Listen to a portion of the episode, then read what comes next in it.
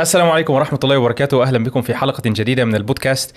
وهذه الحلقة هي حلقة مميزة جدا لشخصية مختلفة وصاحب تجربة آه، مختلفة عن المعتاد. آه، أي حد بيسافر بره دايما بيبقى شايف المميزات بتاع الدولة اللي هو عايش فيها سواء كانت غربية أو أيا كان أوروبا أمريكا. آه، بيبقى شايف دايما المميزات اللي مش موجودة في بلده. والباشمهندس محمد أبو السريع سافر لألمانيا وعاش هناك هو آه، وزوجته وبنته وكان عايش عيشة كويسة جدا. آه، مميزات كثيره هنتكلم عنها ولكن قرر يعني عن وعي إنه يرجع وعن إرادة. يعني هو مش مجبر إن هو يرجع هو رجع ودلوقتي ليه وجهة نظر مختلفة تماما عن السفر للخارج وليه وجهة نظر مختلفة برضو عن البرمجة لأنه يعني هو بروجرامر في الأساس. فخلينا نعرف أكتر عن التجربة الفريدة ديت. وبس ملحوظة بسيطة إن كل مرة بتكلم فيها مع محمد أنا ببقى مستمتع جدا. جدا يخليك. يعني فاهلا بيك أبو سريع. أهلا بيك أبو زيد. إيه الأخبار؟ سعيد جدا إن أنا معاك النهارده. يا باشا أنت. منورنا والله. ربنا يخليك. يعني أنا عرفت أبو سريع آه، من خلال الفيديو اللي كنا بنعمله عن 10 آه، Chrome extensions وكان من ضمن ال Chrome extensions ديت هي قرآن tab اللي بتجيب لك كل مرة بتفتح تاب آية من القرآن الكريم. عشان ما تبقاش من الناس اللي بيهجروا من القرآن. إنك على الأقل بتفتح خمسة ستة تابز فبتشوف الآية فبتقرأها أو بتقرأها بصوت داخلي فبتتعرض للقرآن بشكل ما لربما في لحظة تسمع معاك في حتة وده حصل لي إن أنا كنت بمر بظرف فلقيت آية طالعة يعني بتطبطب عليا. فكانت تجربة رائعة جدا ومن هنا بدأت أتعرف على الباشمهندس محمد وحصلت بينا إيه كذا كذا حديث شيق كده. فحاسس إن التجربة دي إن شاء الله هتكون آه، مفيدة وثرية شاء الله. ومختلفة. فقبل أي حاجة حابينك بس تعرفنا بنفسك. من هو آه، محمد أبو سريع؟ محمد أبو سريع آه، مبرمج آه، شغال أكتر من سبع سنين دلوقتي ك front end developer اشتغلت شوية في مصر شوية startups هنا. بعد كده نقلت لدبي قعدت سنتين فيها. وبعد كده آه، قررت إن أنا أسيب دبي آه، وأروح آه، ألمانيا. وأنا كنت مخطط لده من أول ما رحت في أول يوم في دبي. كنت حاطط plan إن أنا دي هتبقى مرحلة مؤقتة. رحت بعدها الحمد لله المانيا وبعد سنتين برضه في ألمانيا آه، قررت إن أنا أخرج منها. آه، ده بالنسبة لل career wise الحمد لله برضو عملت two extensions واحد اسمه قرآن tab اللي أنت لسه ذاكره. آه، وده من الحاجات العظيمة جدا اللي أنا بفتخر بيها في كل interview لما باجي بتكلم مع أي حد أو كده مهما كانت شركة أجنبية أو غيره بذكر إن أنا ده واحد من ال achievements اللي أنا عملتها أو الحاجات اللي أنا حققتها. وبرده في extension تاني اسمه قران station ده برضو فكرته آه، جميلة وبسيطة عملتها برضو الحمد لله الناس استجابتها كويسة جدا. برضو عندي قناة على اليوتيوب آه، عملتها من باب إن هو حسيت إن أنا لما خرجت بره في experience آه، كبيرة جدا أو في خبرات كتير بتقابلني وحاجات بدأت أكتسبها مع الوقت وحسيت إن أنا محتاج إن أنا أشارك الكلام ده مع الناس. وكان بص- بصراحة زوجتي كانت هي يعني السبب الرئيسي في الموضوع ده هي اللي اقترحت عليا إنه ما دام أنت عمال تجاوب على نفس الأسئلة في كل مرة طب ما تعمل channel وتجاوب على أسئلة مرة واحدة وتشاركها مع الناس فهي اللي كانت مدياني ال- ال push الجامدة في الحتة دي. آه والحمد لله حاليا القناة يعني آه تخطت ال 10000 آه مشترك ودي حاجة رائعة بالنسبة لي مع إني مش مش مديها يعني آه، الشغل الضخم أو مش مش full time بنزل يعني بقوة فيها بس على ما أقدر على قد ما أقدر ببذل مجهود معاها بس فده كده إيه يعني بشكل عام مين هو محمد أبو سريع وبيعمل إيه وبيسوي إيه والقصة دي عظيم أهلا بيك يا باشمهندس طبعا. يعني إحنا إن شاء الله ندي لك push آه، للقناة ونقدر نوصل محمد الله. ابو سريع ل 50000 إن شاء بعد ما. البودكاست ده ينزل بإذن الله طيب الله. آه السؤال اللي دايما يعني أنا عايز أسألك أسئلة كتير بس السؤال اللي دايما عمال يخبط في دماغي من ورا وهو أنا عايزك تكلمني عن آه، سفرك لألمانيا ورجوعك تاني. يعني آه، غريبة جدا إن حد يسافر وبعدين يقرر يرجع بمزاجه. بعد ما يريست اموره هناك وشغله كويس وحياته حلوة وتأمين صحي مجاني وعيشة فارقة وكل الحاجات الجميلة دي ويقول لك لا أنا هرجع تاني. فحابك تكلمنا أكتر أنت ليه سافرت وليه رجعت؟ ليه سافرت ده الجزء السهل من السؤال. إنه زي أي شاب أنا كان نفسي أسافر نفسي أخرج بره رايح فين ما أعرفش طب ناوي على إيه ما أعرفش أنا باصص تحت رجلي أنا عايز أسافر لأن أنا مؤمن إن أنا السفر ده هيفتح لي الأبواب ال- المغلقة كلها وإن أنا كل اللي نفسي فيها يتحقق وبره بي بيوزعوا هدايا وبيدوا تأمين صحي واجتماعي وكل حاجة. أنا بص هحصل على الحياة المثالية اللي أنا بحلم بيها. فخرجت في البداية إيه، بعد تعب وبعد مجهود كبير ومذاكرة والكلام ده كله ربنا أكرمني وقدرت إيه، أخرج أروح دبي. ومن أول يوم في دبي قررت إن أنا لازم أخرج لأوروبا لأن الخليج زي ما معروف إنه ما فيهوش استقرار. فأنا برضو كنت الحمد لله آه، مؤمن بالفكرة دي وقلت من أول يوم وبدأت أشتغل على نفسي. وبرضو بعد سنتين الحمد لله ربنا أراد آه، ونحط 50 خط تحت ربنا أراد دي لأن هي في كل القصة دايما. أنت بتبذل كل اللي أنت عايزه وفي الآخر ربنا هيريد في الوقت اللي ربنا عايزه. فهو قصتي كلها كانت ماشية كده. فبعد سنتين من دبي ربنا أكرمني وطلعت على آه، ألمانيا والحمد لله طلعت على شركة كويسة جدا آه، هناك. وهناك بقى كانت تجربة فريدة. كان آه، اللي هو بقى بعيد عن كل الناس اللي بتقوله لي واللي كان واصل لي من فيديوهات أو من كده. أنا بدأت أعيش بنفسي وبدأت أشوف تجربتي. ومهم نقول إن كل واحد هيبقى ليه تجربته الفريدة بناء على ال background بتاعته بناء على معتقداته على الحاجات اللي مؤمن بيها والكلام ده. فأنا بالنسبة لي لما رحت هناك آه لقيت ال- الحاجات اللي الناس بتقول عليها اللي هي المميزات التأمين الصحي الاجتماعي الناس بتحترم ال- الرأي وبتحترم الحريات وكل الكلام الجميل ده. كنت بصراحة عايش حياة جميلة جدا هناك بس فوجئت إن بدأ يحصل مشاكل بقى في الجزء بتاع الدين والهوية. فكرة إن هو بدأت أواجه مشكلة في إن هو إيه إنه آه بقى خلينا نختصرها في جملة وبعد كده ممكن نفككها بعدين. وبدأت أواجه مشكلة في الحفاظ على ديني ودين أولادي على هويتي وهوية أولادي. خصوصا إنه من المميزات سبحان الله من المميزات لما خرجت بره بدأت أهتم بحاجات ما كنتش بهتم بيها في الأول. أنا عارف إن أنا داخل على تحدي كبير فلقيت نفسي أنا عايز أروح هناك خلاص هبتدي أقرأ أكتر في موضوع التربية عشان لازم أربي ما ينفعش أسيب حد يربي لي. لازم أقرأ أكتر في ديني وأعرف إيه الصح والغلط والحلال والحرام عشان ما هتعرض لمشاكل كتير فلازم أبقى عارف بتعامل إزاي. فالحاجات الأبواب دي كانت خير جه من سفري لهناك. ولما بدأت أتعرف على الحاجات دي وبدأت أشوف الفروقات والتحديات الكبيرة فلقيت لأ الم- الموضوع بعد سنة وثمان شهور أو حاجة كنت واخد قرار إنه لا أنا إيه، يعني إيه إيه، لا تأمن على نفسك الفتنة ما تجيش تقول أنا جامد وأنا هقدر أخش بقلب جامد وأنا فيش زيي. اوعى تعمل كده. يعني إيه، يعني فده اللي خلاني قررت في الآخر. طبعا أنا وزوجتي كل ده إن أنا مش عايش لوحدي. المهم إن أنا إيه أشارك حاجات زي كده. فانا وزوجتي كنا متفقين على إن هو خصوصا إن أنا عندي بنتين الحمد لله واحدة. منهم آه، أربع سنين فداخلة على سن آه، تعليم وكده. فبدأنا نشوف حاجات في المجتمع آه، مش أو بتتنافى مع الوضع بتاعنا آه، فكرة إن هو المجتمع هناك آه، خليني أقولها لك إزاي أنت هنا كمجتمع شرقي في حاجات أنت بتبقى بتميز المجتمع بتاعك. هم نفس الكلام. هناك حاجة من الحاجات اللي اللي خدنا بالنا منها إن هو هناك واحدة من الحاجات اللي يعني أنت كأب وأم بيقول لك إيه أنت دورك هناك إن أنت ترعى أولادك وتوفر لهم بيئة مناسبة. بس. يعني إيه؟ يعني أنا النهارده عايز أربي أولادي وأقول لهم لا ده صح ده غلط أوقات بقول لهم لا ما ينفعش نعمل كده. أنت ما ينفعش تعمل كده. ما ينفعش تجبر أولادك على شيء. برغم إن هو آه، يعني في في بعض الأوقات لازم تقول له لا دي ما ينفعش كذا أو في بعض الأوقات لازم بت- بتيجي تدي له دواء أو حاجة فبتبقى بتدي له آه، امسك الدواء ده وأنت هتعرف آه، مستقبلا. لا هو يقول لك انت مالكش انك تقول له اعمل ابنك لو طلع الصبح وقال لك آه، بابا أنا عايز ابقى بنت مش عاجبني ان أنا ولد كده وبتاع من حقه إيه، بابا أنا إيه، مش عاجبني ال... انت فاهم أنا بتكلم في إيه فكرة ان هو إيه،.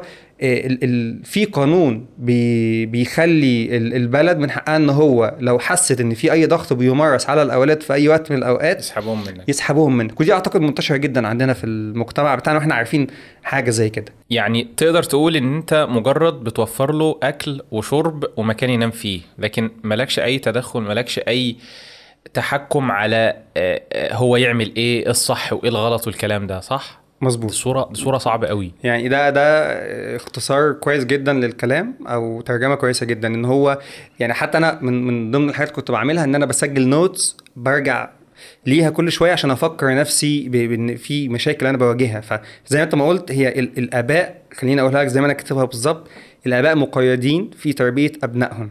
مهمة الآباء هي توفير حياة كريمة لأبنائهم ودعمهم في قراراتهم فقط. يعني هو عايز يعمل كذا انت تدعمه تقول له أنا بسبورتك. ماشي. لكن ما ينفعش تقول له كده حرام. كده الدين بيقول لك ما ينفعش. إيه ده ربنا خلقنا بالطريقة الفلانية فما ينفعش كذا كذا. ما ينفعش. هناك الحريات واصلة لمرحلة اللي هو عارف تو ماتش مفيش في الحقيقة كده مفيش حاجة اسمها حرية مطلقة. هم عندهم نفسهم في في بعض الخطوط الحمراء لو تعديتها هم مش هيرحموك مش هيسمحوا لك. انت فاهم؟ فواحدة من النقط حتة ال- ال- الآباء والأبناء. يعني أنا أنا كنت قرأت إن 80% من المجتمع الألماني ملحدين. ده حقيقي. وإن آه، الدين يعني تقدر تقول كده مجازا لو الإلحاد دين فدين الدولة هو الالحاد هي تقدر تقول هي دولة لا دينية. آه. هناك الدين أو الدين الغالب هو الفلوس. تحس المادية. آه المادية. تحس إنه من أول يوم بتخش هناك بتبتدي تكتسب بعض العادات السيئة إن هو تلاقي نفسك بدأت تركز أكتر في كل تفصيلة. الفلوس دي رايحة فين؟ جاية منين؟ طب أنا عايز أعمل refund للضرايب في مثلا أوقات ممكن تعمل refund إن أنت تبعت أوراق وتقول لهم ده أنا جبت الكرسي ده عشان خاطر الشغل جبت ده عشان كذا. فبتلاقي نفسك بتنغمس أكتر في الجزء المادي ده وتبتدي تفتقد بقى لحاجات انت فاهم قصدي؟ إيه، الحاجات دي لما بتزيد عن حدها بتبقى مش حلوة وتلاقي نفسك محتاج تشتغل أكتر عشان خاطر توفر دخل أفضل عشان الضرايب هتاخد منك أكتر فتشتغل أكتر فالضرايب هتاخد أكتر انت فاهم؟ فبتفضل ماشي في عجلة كده آه، وفي الآخر بيبقى كله إيه؟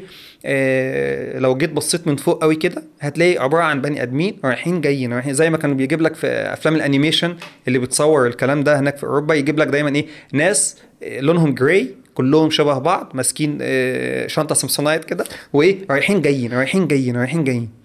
بس كل واحد عنده 100 حاجة والمشهد اللي يبين ده قوي في نيويورك دايما. آه، الناس كلها سريعة الناس آه. مش فاضية كله مستعجل بيجري. بيدوسوا كله على بعض عشان يمشوا. بالظبط. انت لو وقعت حرفيا هيتداس عليك.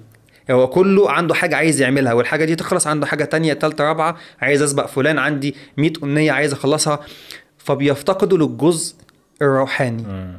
اللي هو الاتصال مع النفس اللي هم بعد كده بدأوا دلوقتي يطلعوا بحتة إن هو إيه آه آه اللي هو اليوجا والحاجات التانية مش فاكر المسميات بتاعتها إيه فكرة إن هو إيه آه، تحاول تتواصل مع روحك بقى آه. meditation والجو ده كله آه. أنت فاهم قصدي فهم already داسوا في الموضوع ده قوي وبعد كده بيحاولوا يصلحوا يرجعوا شوية بس خلاص ما, فيش الكلام ده فاهمني. فخليني برضه أقول لك إنه آه، استكمالا للسؤال بتاع ال- المروح من هناك إنه بجانب موضوع ال- الآباء وال... والت... ال- الأبناء والتربية وكده في كمان جزء ال... الافتقار إلى الشعائر آه، الدينية والأجواء الإسلامية. واحدة من الحاجات اللي أنا عمري ما تخيلت إنها في يوم من الأيام أحسها إنه أنت هتفتقد لصوت الأذان اللي هو أنا ليل نهار سامعه. عايز أقول لك ال- الدكتور رمزي عبد العزيز آه، كان سافر ألمانيا وهو دلوقتي برضه شغال في فنلندا وكده. قال لي قال لي نفس الكلام ده بالظبط ولما سمعته لأول مرة مش قادر أتخيل ده حقيقي يعني يعني أصل الم- المساجد هنا ما شاء الله يعني إيه بيحوطنا مثلا ثلاث أربع مساجد فأنت سامع الأذان من كل الله. اتجاه ف آه، ف- أحيانا لما بتعتاد الشيء بتاخده for granted بيبقى من بالظبط. المسلمات بالنسبة لك بتظن إن ده شيء آه، جانبي ده حقيقي. فالحته دي بالذات يعني برضو بتشبه إلى حد ما الناس اللي بيكونوا مسافرين بره ويقول لك أنا هرجع رمضان مصر آه آه يقول لك يا عم كتير بيعملوا كده. آه يعني عايز أعيش فشيء هو, شيء هو. مؤمن هو آه. ده الحركة دي في حد ذاتها إثبات منه إن هو فعلا مفتقد لشيء جلل وضخم وهو فعلا من جوه بقى متأثر جدا بيه بس للأسف بقى بيتعامل مع موضوع إن هو إيه أمر واقع. أنا عايز الحياة دي وعايز ال- ال- ال level ده أو ال lifestyle ده فأنا مش هضحي بيه وممكن الحاجات الباقيه أحاول آخد منها مقتطفات. ودي بترجع بقى للنقطة بتاعه ال priorities أو إيه أولوياتك في الحياة. هو أنت أولوياتك في الحياة إيه، ال lifestyle وإن أنا أبقى عايش حياة كريمة جدا وأبقى مبسوط ومعايا كذا وقادر أجيب أحدث موبايل وأحدث كذا وكذا وكذا. وبعد كده يجي موضوع التربية وبعد كده يجي موضوع الدين وال... والاتصال الروحي والكلام ده كله ولا انت هي دي بقى الحتة اللي بتفرق حد من حد؟ هي دي اللي بتخلي واحد يقول لك فعلا الكلام ده آه، صح جدا وأنا مؤمن بيه واحد تاني يقول لك إيه يا عم الكلام ده آه، لا مش كده عادي فاهم قصدي؟ بسبب حتة الأولويات.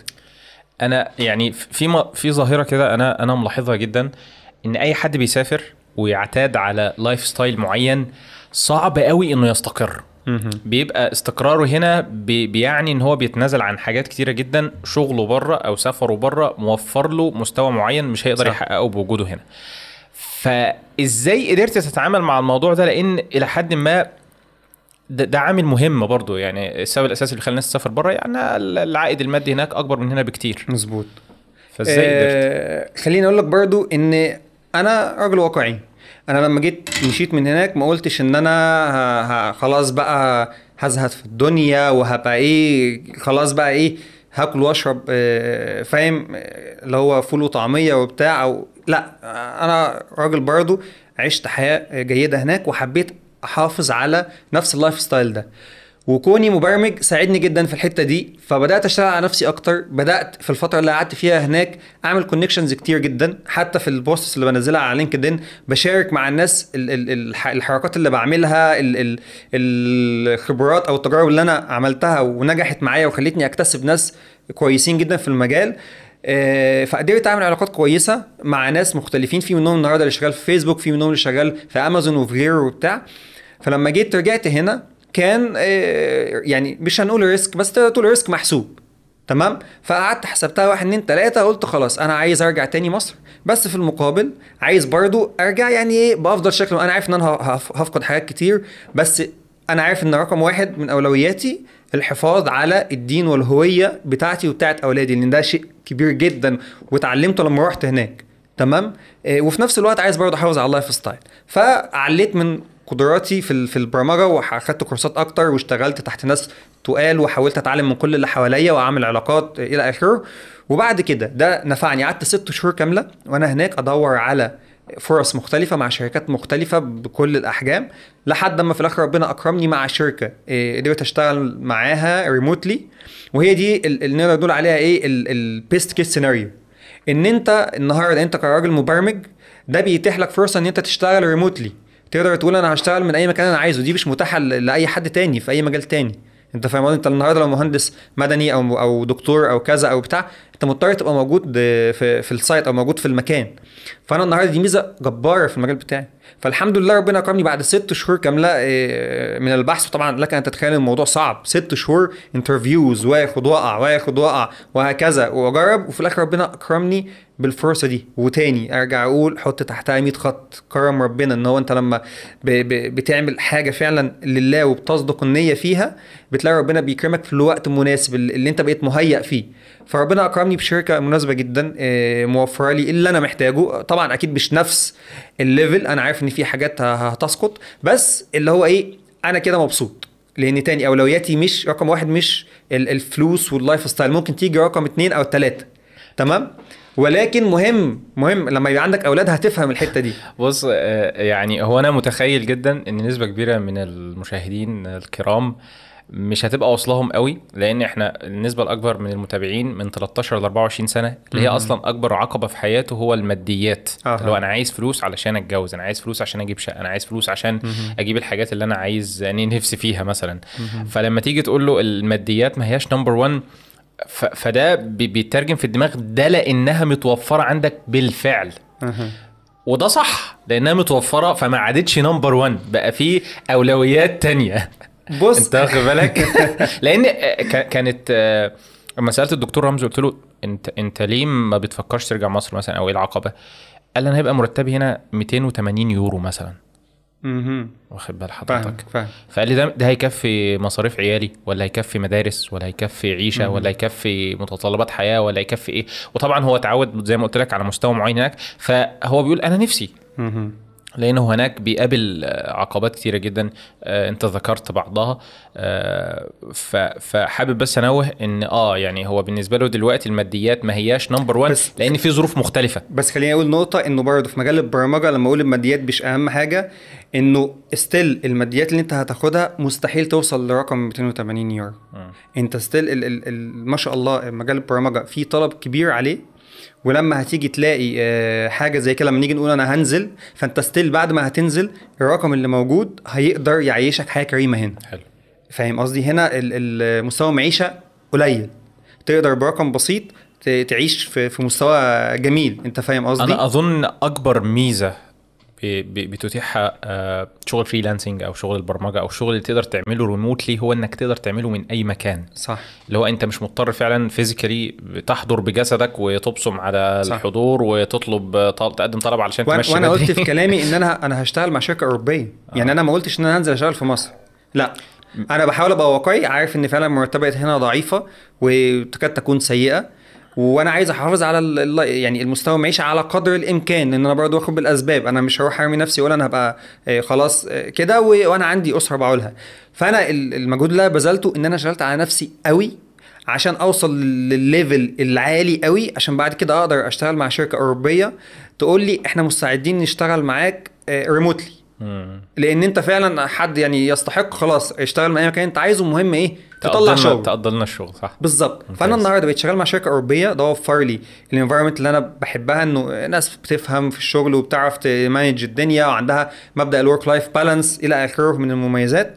وفي نفس الوقت ال salary بتاعه معقول؟ بيبقوا حاطين دايما packages يقول لك مثلا أنت شغال من مصر آه ال package بتاعك كذا. أنت شغال مثلا من تركيا كذا شغال من أوروبا كذا. عارفين إن البلاد دي فيها ضرايب البلاد دي ما فيهاش ضرايب فالناس دي دارسة. فاهمة. كل بيئة عاملة إزاي؟ الالمان بقى يا عم. آه، لا وبشكل عام في أوروبا. هي مش بس في ألمانيا. آه وبعد كده بيديك ال salary اللي هو عارف إنك هتبقى مبسوط بيه. يعني ال salary ده مثلا في مصر أنت هتبقى مبسوط بيه. اللي هو يعتبر مثلا آه، في ال rangeات العالية بتاعه السوق بيشوفوا ال market عندك عامل إزاي إيه ال rangeات بتاعته طب إحنا هيديك أعلى range موجود في السوق اللي عندك بحيث إنك تبقى مبسوط وأوفر له برضه هو آه. هو لو لو هيعين واحد أوروبي أو واحد ألماني آه، هيدفع له أكتر منك مظبوط. فأنت مبسوط وهو مبسوط فوين وين سيتويشن situation، الله ينور عليك. يعني يمكن آه، إحنا اختلفنا شوية عن أي حد بيبدأ آه، في بيحكي تجربة فبيحكي المميزات الأول اللي هو المميزات هنيجي للمميزات بس بعد ما نخلص إيه آه، المساوئ أو العيوب أو الحاجات اللي قابلته هناك في ألمانيا يعني وخليته يرجع آه، دي ال Apple Watch بتاعتك اللي بترن كل آه. شوية؟ صدق صح. هنيجي الكلام عن Apple لأن آه، محمد يعني من الناس اللي إيه كل ما أكلمه عن Apple بيشجعني قوي إن أنا أجو آه، هات اغير حياتك هتحس إنك مش عارف إيه. فهنيجي للحتة ديت يعني. طيب من وجهة نظرك إيه هي العيوب اللي ممكن تحكي لنا عنها آه، اللي ساعدت في النهاية يعني إن أنت تاخد قرار إنك هتسيب ألمانيا؟ خلينا نقول في الأول إن إحنا ما بنتكلمش عن مميزات إيه عشان ممكن نتكلم عنها في الآخر وعشان ناس كتير جدا جدا جدا اتكلموا عنها. فأعتقد مفيش حد يخفى عليه المميزات اللي موجودة مم. فعشان كده إحنا إيه تخطينا ودخلنا في العيوب إحنا. ممكن نتكلم عن المميزات بعد العيوب إن شاء الله إن شاء الله خليني أكمل لك من ال list لأن زي ما قلت لك ال list دي أنا كنت عاملها عشان أنا نفسي أرجع من وقت لتاني أنت عارف النفس برضه ساعات أنا ب- ليه رجعت؟ آه بتحب جدا الموضوع ده وعشان أتجنب ده أفتكر أنت رجعت عشان كذا كذا كذا صحيح. عشان الواحد ما ينساش فزي ما قلنا في الأول موضوع التربية ورقم اتنين قلنا الافتقار للشعائر الدينية وهنا الشعائر أقصد بيها حاجة بسيطة زي الأذان حاجة بسيطة زي آه يعني أنا فاكر عشان أحافظ على الأذان كنت جايب ديفايس أو جايب جهاز كده صغير بتاع أذان مع معمول تركي كده لأن الاطار كتير جدا هناك في ألمانيا وكنت بحطه وأول ما عشان بس أسمع صوت الأذان وعشان بناتي يسمعوا يعرفوا إن في حاجة اسمها أذان. أنت فاهم قصدي؟ آه في إيه كمان؟ حاجات زي أجواء رمضان الأصوات اللي بتسمعها بعد صلاة الفجر اللي بتسمعها وقت صلاة الجمعة آه الإشعار اللي تكاد تكون بسيطة وأنت بتتعود عليها زي صوت آه الشيخ محمد رفعت الصبح وإحنا رايحين. المدرسة. الحاجات دي أنت واخدها for granted جدا واخدها كمسلمات جدا أنت مش مدرك زي بالظبط واحد آه عنده اتولد آه مبصر وشايف وتيجي في مرة تقول له إيه رأيك نعمل تجربة في يوم؟ تقعد من غير بصر نحط لك كمامة كده على عينك أو حاجة على عينك وتجرب. ساعتها هياخدوا التجربة وهيجي بعدها كل يوم بيصحى يحمد ربنا. يحمد ربنا على النظر فقط على النظر. وكرر التجربة دي مع بقية الحواس هتلاقي الشخص ده بقى في حتة تانية. فهي نفس الفكرة. قيس على كده بقى حاجات كتير من ال- الشعائر اللي بنتكلم عليه العيد الصغير والعيد الكبير العيد الفطر والعيد الأضحى. هناك مفيش. هناك المجتمع بيبذل جهده ويعني بصراحة يعني آه ليهم تقدير كبير إن هم بيبذلوا جهدهم على إن هم بيعملوا احتفالات وتجمعات وبتاع بس ستيل مش زي هنا. أنت فاهم قصدي؟ الأجواء الحلوة أنا عارف إن في ناس كتير هتقول لي يا عم المجتمعات العربية كذا وكذا وبتاع. بس معلش أنت برضو هنا أنت ستيل لسه محافظ على قدر كبير من الشعائر دي. الجو العام الناس وهي كلها لابسة الجلاليب الصبح نازلة بأولادها رايحين المسجد. فاهم قصدي؟ هناك انت المسجد كل منطقة يعني مثلا أنا المسجد اللي كنت بروح أصلي فيه بركب تلت ساعة تقريبا عشان أوصل للمسجد. فبالنسبة لي أنا بصلي الجمعة. ده أنا كده راجل ملتزم اللي عشان بس اصلي الجمعة. بقية الصلوات لا أنت هتنزل كل صلاة تروح تلت ساعة مواصلة فهتلاقي نفسك مع الوقت مش هتعرف تعمل ده. وده بي بيخلي إن في للأسف ناس كتير آه، بقت عارف بقى يحصل عندها إيه اللي هو خلاص بقى أنا مش قادر والموضوع صعب وبتاع فبيبقى فيه مع الوقت ليونه فده جزء الشعائر. خلينا نقول لك النقطة اللي بعدها وهي إنه المجتمع الغربي يساعد على التمرد ويشجعه بحيث لا تستطيع إجبار أولادك على شيء والحكومة لها قدرة على سحبهم منك في أي وقت. دي اتكلمنا عنها في الجزء الأولاني. تمام؟ بس زي ما قلت لك ليه بيساعد على التمرد؟ لأنه دايما الطبيعي البديهي الفطرة السليمة إنه دايما في قواعد وقوانين المفروض ما تتعدهاش مفيش حاجة اسمها حرية مطلقة. هناك هم بيشجعوا جدا الحرية المطلقة. اعمل اللي انت عايزه. تمام؟ ما فيش أي مشكلة. الحرية هناك فكرة إن هو آه، طول ما أنت ما تعدتش على حقوق الغير خلاص اعمل اللي انت عايزه. فدي كارثة في حد ذاتها. لأن ده مش صح. حتى لو يعني أنا ما ينفعش هنا مثلا عندنا في بعض القواعد اللي متصلة برضه بالدين فكرة إن هو إيه لأ ما ينفعش تروح تقعد تشرب وتقضيها وتحرق سجاير كتير عشان صحتك وتقعد تشرب آه، خمرة وتعمل وتسوي وتعيش life style معين كده. إحنا عارفين إن الشخص ده كده لأ ده ده كده سيء أو بتاع. هناك لأ هناك مش كده. هناك آه، خلينا نقولها كانت واحدة من النقط اللي أنا قلتها وهي آه، الشخص السيء هناك المعايير ال standards نفسها مختلفة. الشخص السيء هناك مش زي عندنا هنا. هنا اللي هو زي ما قلت لك عليه بيشرب وبيعمل وبيسوي بتاع. هناك الشخص السيء هو اللي بيتعدى على حقوق الغير لكن لو لقيت راجل نازل لابس لبس ست وماشي في الشارع ب high heels والكلام ده انت مالك؟ وانت لو بصيت له انت ده انت اللي غلطان. انت ليه بتبص لي انت في حاجة ولا إيه؟ كده. ففي جرأة على الحتة دي. فانت فعلا ما, ما تقدرش ت... ومصيبة في إيه بقى؟ انه لما اولادك بيشوفوا الحاجات دي قدامهم هي بتترسخ في ذهنهم لأن العقل الباطن ما بيعديش حاجة. حتى لو أنت فاكر إن الحاجات دي عادية لا عقلك الباطن بيخزن. فلما أولادك يشوفوا مناظر من من هذا القبيل كتير جدا قدامهم إيه اللي هيحصل؟ هيبقى في جيل هيطلع عنده مرونة زيادة في الدين. فهتلاقي الحاجات اللي أنت كنت بتبص لها دلوقتي وبتشمئز منها اللي هو إيه ده؟ شخص أو شخص اللي هو بنسميه الحاجات اللي بنقولها عليهم. وإيه في إيه؟ ولما نيجي نشتم حد نقول عليه كده. فتخيل هناك أنت ما تقدرش تتريق عليهم أو تقول لهم حاجة. وتلاقي واحد جاي بقوا باينين. تتفرج على واحد من دول في videos من ال conferences أو الحاجات اللي بتتعمل في جوجل أو كده بيبان. تلاقيه مثلا لابس حلق وبيتكلم كده هو hi مش عارف إيه. عارف؟ تحسه آه ده أنت كده قوي. وهو فخور بده وبيبين ده. ومش مكسوف.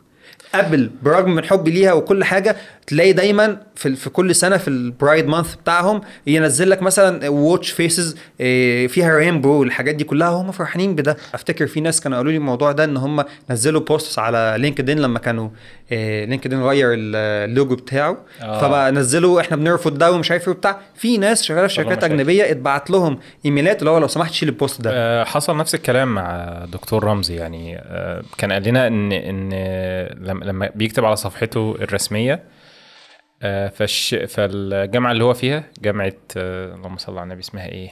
ألتو جامعة ألتو الفنلندية.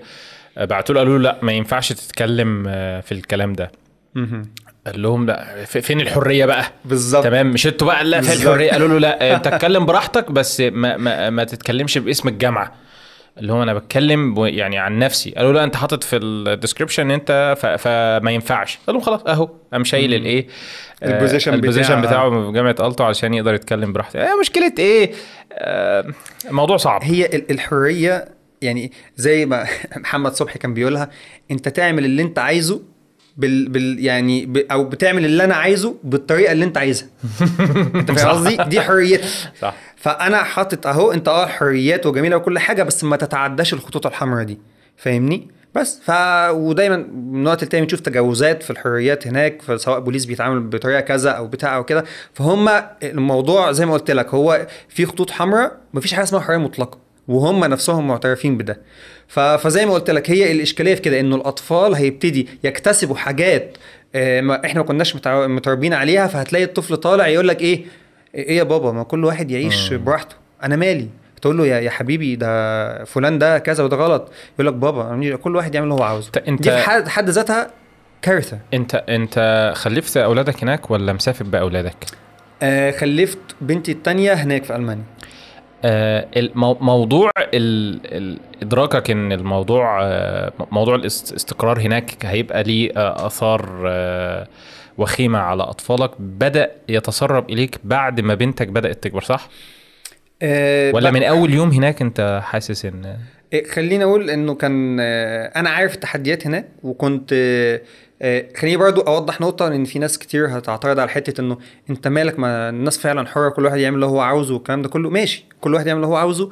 وأنا برضو حر إن أنا أعمل اللي أنا عايزه. أنا أنا راع ومسؤول عن رعيتي مسؤول عن أسرتي. فأنا ما بتكلمش إن أنا عايز أروح لفلان أقول له أنت بتعمل كذا ليه أو أحجر عليه. أنا بتكلم على كل كلامي ده عن نفسي عن زوجتي عن أولادي. أنا مش بتكلم إنه فلان ده المفروض يعمل أو ما يعملش براحتك يا عم. بعيد عني. وأنا عشان أنا رافض ال- الحاصل ده قررت إن أنا أسيبها من بابها وأبعد لأن أنا خفت على نفسي وع- وعليهم. فده بس آه، نقطة حبيت أوضحها. فكرة إمتى حسيت بده؟ آه، في مواقف كتير. من من ضمنها أنا كنت رايح في وقت الكريسماس اللي هو في شهر 12 تقريبا. فلقيت بقى إيه بنتي بتكبر في سن اللي هو إيه بتتكلم بتقول كلام مكسر وحاجات زي كده. فلقيتها بدأت تسأل أسئلة بديهية وتتأثر بحاجات زي شجرة الكريسماس. مم. إن هو هناك بيهتموا جدا بالموضوع ده وبيعملوا أجواء رائعة. في ألمانيا؟ فاهم قصدي؟ آه. رغم إنها دولة لا دينية أصلا آه يعني. آه. وخليني برضه أوضح نقطة إنه كلامنا مش بس ألمانيا إحنا بنتكلم على الغرب بشكل عام. لأن الموجود في ألمانيا موجود في إنجلترا موجود. آه ممكن درجات يعني ممكن تلاقي إنجلترا فيها نوع من الدين آه شوية. بس في الآخر هتقابل نفس التحديات هتلاقي الموضوع آه مكرر هناك لأن كلهم بيتبنوا نفس الفكر. اللي هو الرأسمالي ناس تروس في آلة كل واحد يشتغل اقفل حتة ال- العاطفة. مفيش حتة بقى إن هو إيه أب وأم يشتغلوا يكبروا يجيبوا أولاد. أب وأم خلاص ما بقوش آه، صالحين للعمل اركنوا على جنب أولادكم يكملوا وهكذا. فكرة إن أنا صلة رحم واكمل مع أولادي لا الحاجات دي شكليات ما تضيعوش وقتنا. عايزين المكنة تشتغل ضرا- ضرايب تشتغل فاهم؟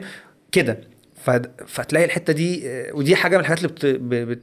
بتلاحظها كمان مع الناس اللي بتخرج بره بتلاقي حتة اللي هو الروحانيات صلة الرحم وإن أنا أتابع مع أهلي وإن أنا أعمل وأسوي بتلاقيها بتبتدي تاخد شكل مختلف لأنه بقى بقى عقلاني بزيادة بقى معيار بيفكر- المادية بقى مكتسح آه. اللي هو ما عندوش أي معايير تانية هو معيار جداً. المكسب والخسارة آه هيجيب لي فلوس ولا مش هيجيب لي فلوس. مفيش أي اعتبارات لحاجة روحانية أو صح. حاجة مم. وأبسط مثال لده الموضوع اللي بنقول عليه دايما نظام إنجليزي لو إحنا قاعدين بناكل يقول لك إيه هنمشيها نظام إنجليزي اللي هو إيه أنت تشيل أكلك وأنا أشيل أكلي في حين إن إحنا ك- كالمجتمع بتاعنا بنعمل إيه؟ وانت على يمين. والله لا أنا وعليا النعم عليا الطلاق بالثلاثه كده ونقعد نعلي على بعض لأن إحنا بنحب ده أيوة. من كتر الكرم آه. عايز تتمسح بسمة الكرم بالظبط هم ما فيش كان هو فكرة إنه لا آه، أنت خدت قد كده إيه، لو سمحت عايز حتى في ال applications والحاجات بقى في حاجة اسمها Split. split آه آه. بالظبط فإن هو قسم الفاتورة حتى في أوبر قسم الفاتورة حتى في البقشيش يعني آه يعني بيقسموا البقشيش اللي هو إحنا هندفع كام بقشيش فنقسمه علينا فأنت- أنت كلنا متخيل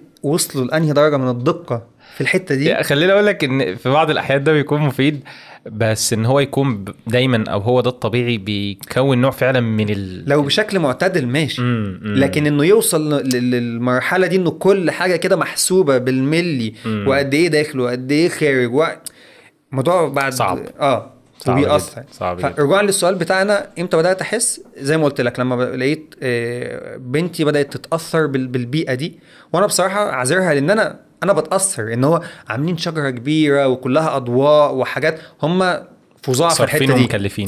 هم ناس فظاع في الحتة دي. انت بتتكلم على شعوب احتلت العالم كله تقريبا سواء ألمانيا أو إنجلترا. صح. فتقريبا نجح هم في التخطيط رائعين. فوصلوا لمرحلة قال لك خلاص الاحتلال ال- ال- ال- الحقيقي الفعلي ما مش نافع ومكلف جدا نبتدي نح- نحتل احتلال فكري. انت فاهم قصدي؟ وهم بقول لك صعب جدا تلاقي ناس كتير من اللي بيخشوا جوه ولما تواصلت مع ناس جوه ناس كتير عارفين الكلام اللي أنا بقوله وناس كتير أيدوني جدا لما كنت بتكلم معاهم في الموضوع ده وأقول لهم كذا كذا كذا. بس هم للأسف مش قادرين. يقول لك يجي بقى وقت التنفيذ مش قادر. أنا خلاص رجلي صعب. رجلي صعب. غرزت. هو- هفتقد لكل المزايا اللي موجودة و... وكده. أنت فاهمني؟ ف... ف...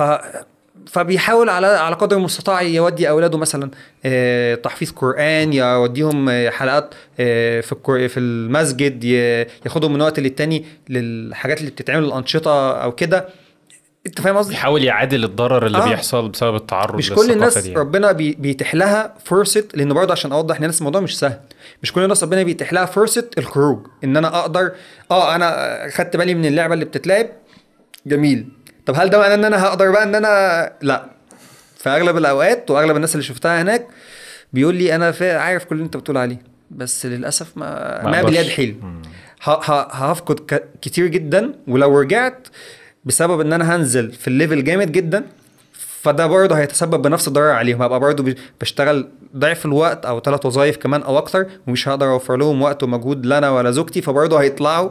ب... فيعني بص هي موضوع حسبتها صعبة جدا.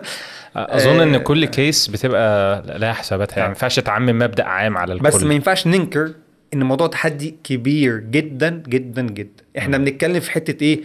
إزاي تتعامل معاه. بس. لكن لو أنت جيت قلت ده أنا برم وأنا جامد وهروح وهتحدى لأن أنا برضو في الأول كنت واخد الكلام نظري آه، سهل جدا على الورق قلت أنا عارف إن في تحديات واحد اتنين تلاتة. فهروح وهبدا بقى إيه أعمل كذا وهودي بناتي مثلا السنتر كذا أو هوديهم كذا وهعلمهم قرآن وبتاع. وقت التنفيذ العملي أنا لقيت نفسي خايف على نفسي. يعني أنا أصلا ده أنا مخترق يا جدعان ده أنا خايف أنا خايف أنزل الشارع. يا الله. تيجي الصيف يا الله. آه، الصيف يجي لازم تعمل بيات شتوي لازم ما. تخرجش من بيتك. الناس كلها يعني آه، مولد سيدي العريان. يعني آه، أنت فاهم؟ فعلا الموضوع آه، وأعتقد ناس كتير من اللي موجودين هناك هيفهموا. أنا بقول. يعني الناس ما بتصدق حتة اللي هو إيه الشمس تطلع آه بس. هناك الشمس مش بتطلع كتير. تمام؟ فأول ما بتيجي خلاص بقى معلم. اللي هو أنا بص يعني هو هناك عندهم إيه؟ يعني زي ما قلنا حتة ماديه بتاع هم عندهم إيه؟ لما بيجوا يشتغلوا يشتغلوا قوي. لما يجوا ي have fun أو يستمتعوا بيستمتعوا قوي. على يعني الآخر. آه. to the maximum بيدوا كل حاجة حقها. فوقت فعلا الاحتفال آه، حاجة تانية. فأنا بقول لك حاجة زي كده مثلا آه، موضوع الأطفال حاجة زي ما قلت لك موضوع الكريسماس لقيت آه، بناتي بدأوا يحبوا الموضوع وبدأوا يتأثروا بيه وبدأوا يشوفوا إن هو إيه ده ده حاجة نحتفل بيها. فالى جانب بقى حاجات زي إيه آه، حاجة زي ال Hanukkah ده حاجة من الحاجات اللي ظهرت آه، ال Hanukkah أو ال Hanukkah ده اللي هو عيد من أعياد اليهود.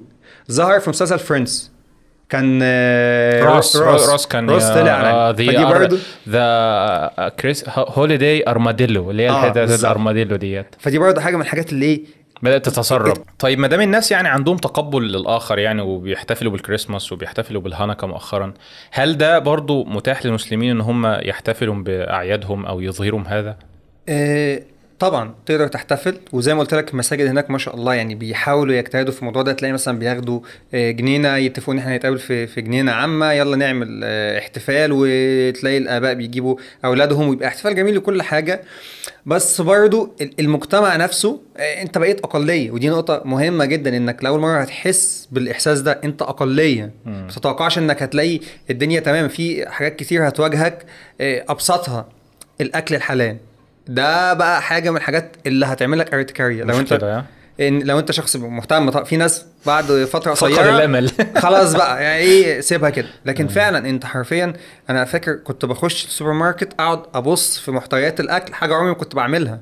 أبص في محتويات الأكل يا ترى في حاجة من حاجات ال- ال- الخنزير أو كده؟ عشان بيبقى في كمان مش بس لحمة آه، في حاجات الدهون والحاجات اللي زي كده والجيلاتين ومش عارف إيه وقصص فممكن تشتري آه، حلوى لأولادك. ممكن تشتري آه، فينو أو تشتري خبز أو حاجة ويبقى في مثلا قدر من ال- الويسكي أو الحاجات زي كده. وكنت على ال group ده كان في group بيبقى للمصريين اللي هو group مصريين في ألمانيا أو في برلين أو كده.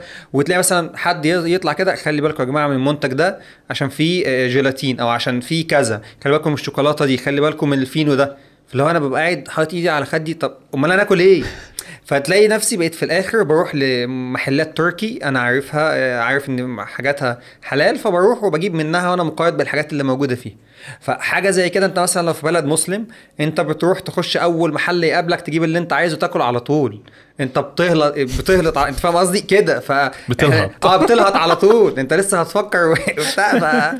فهنا هناك بقى الوضع بقى مختلف. يعني مش مش بس مجرد لحمة أو بتاع. فبقول لك في كل تفصيلة حلويات الأطفال.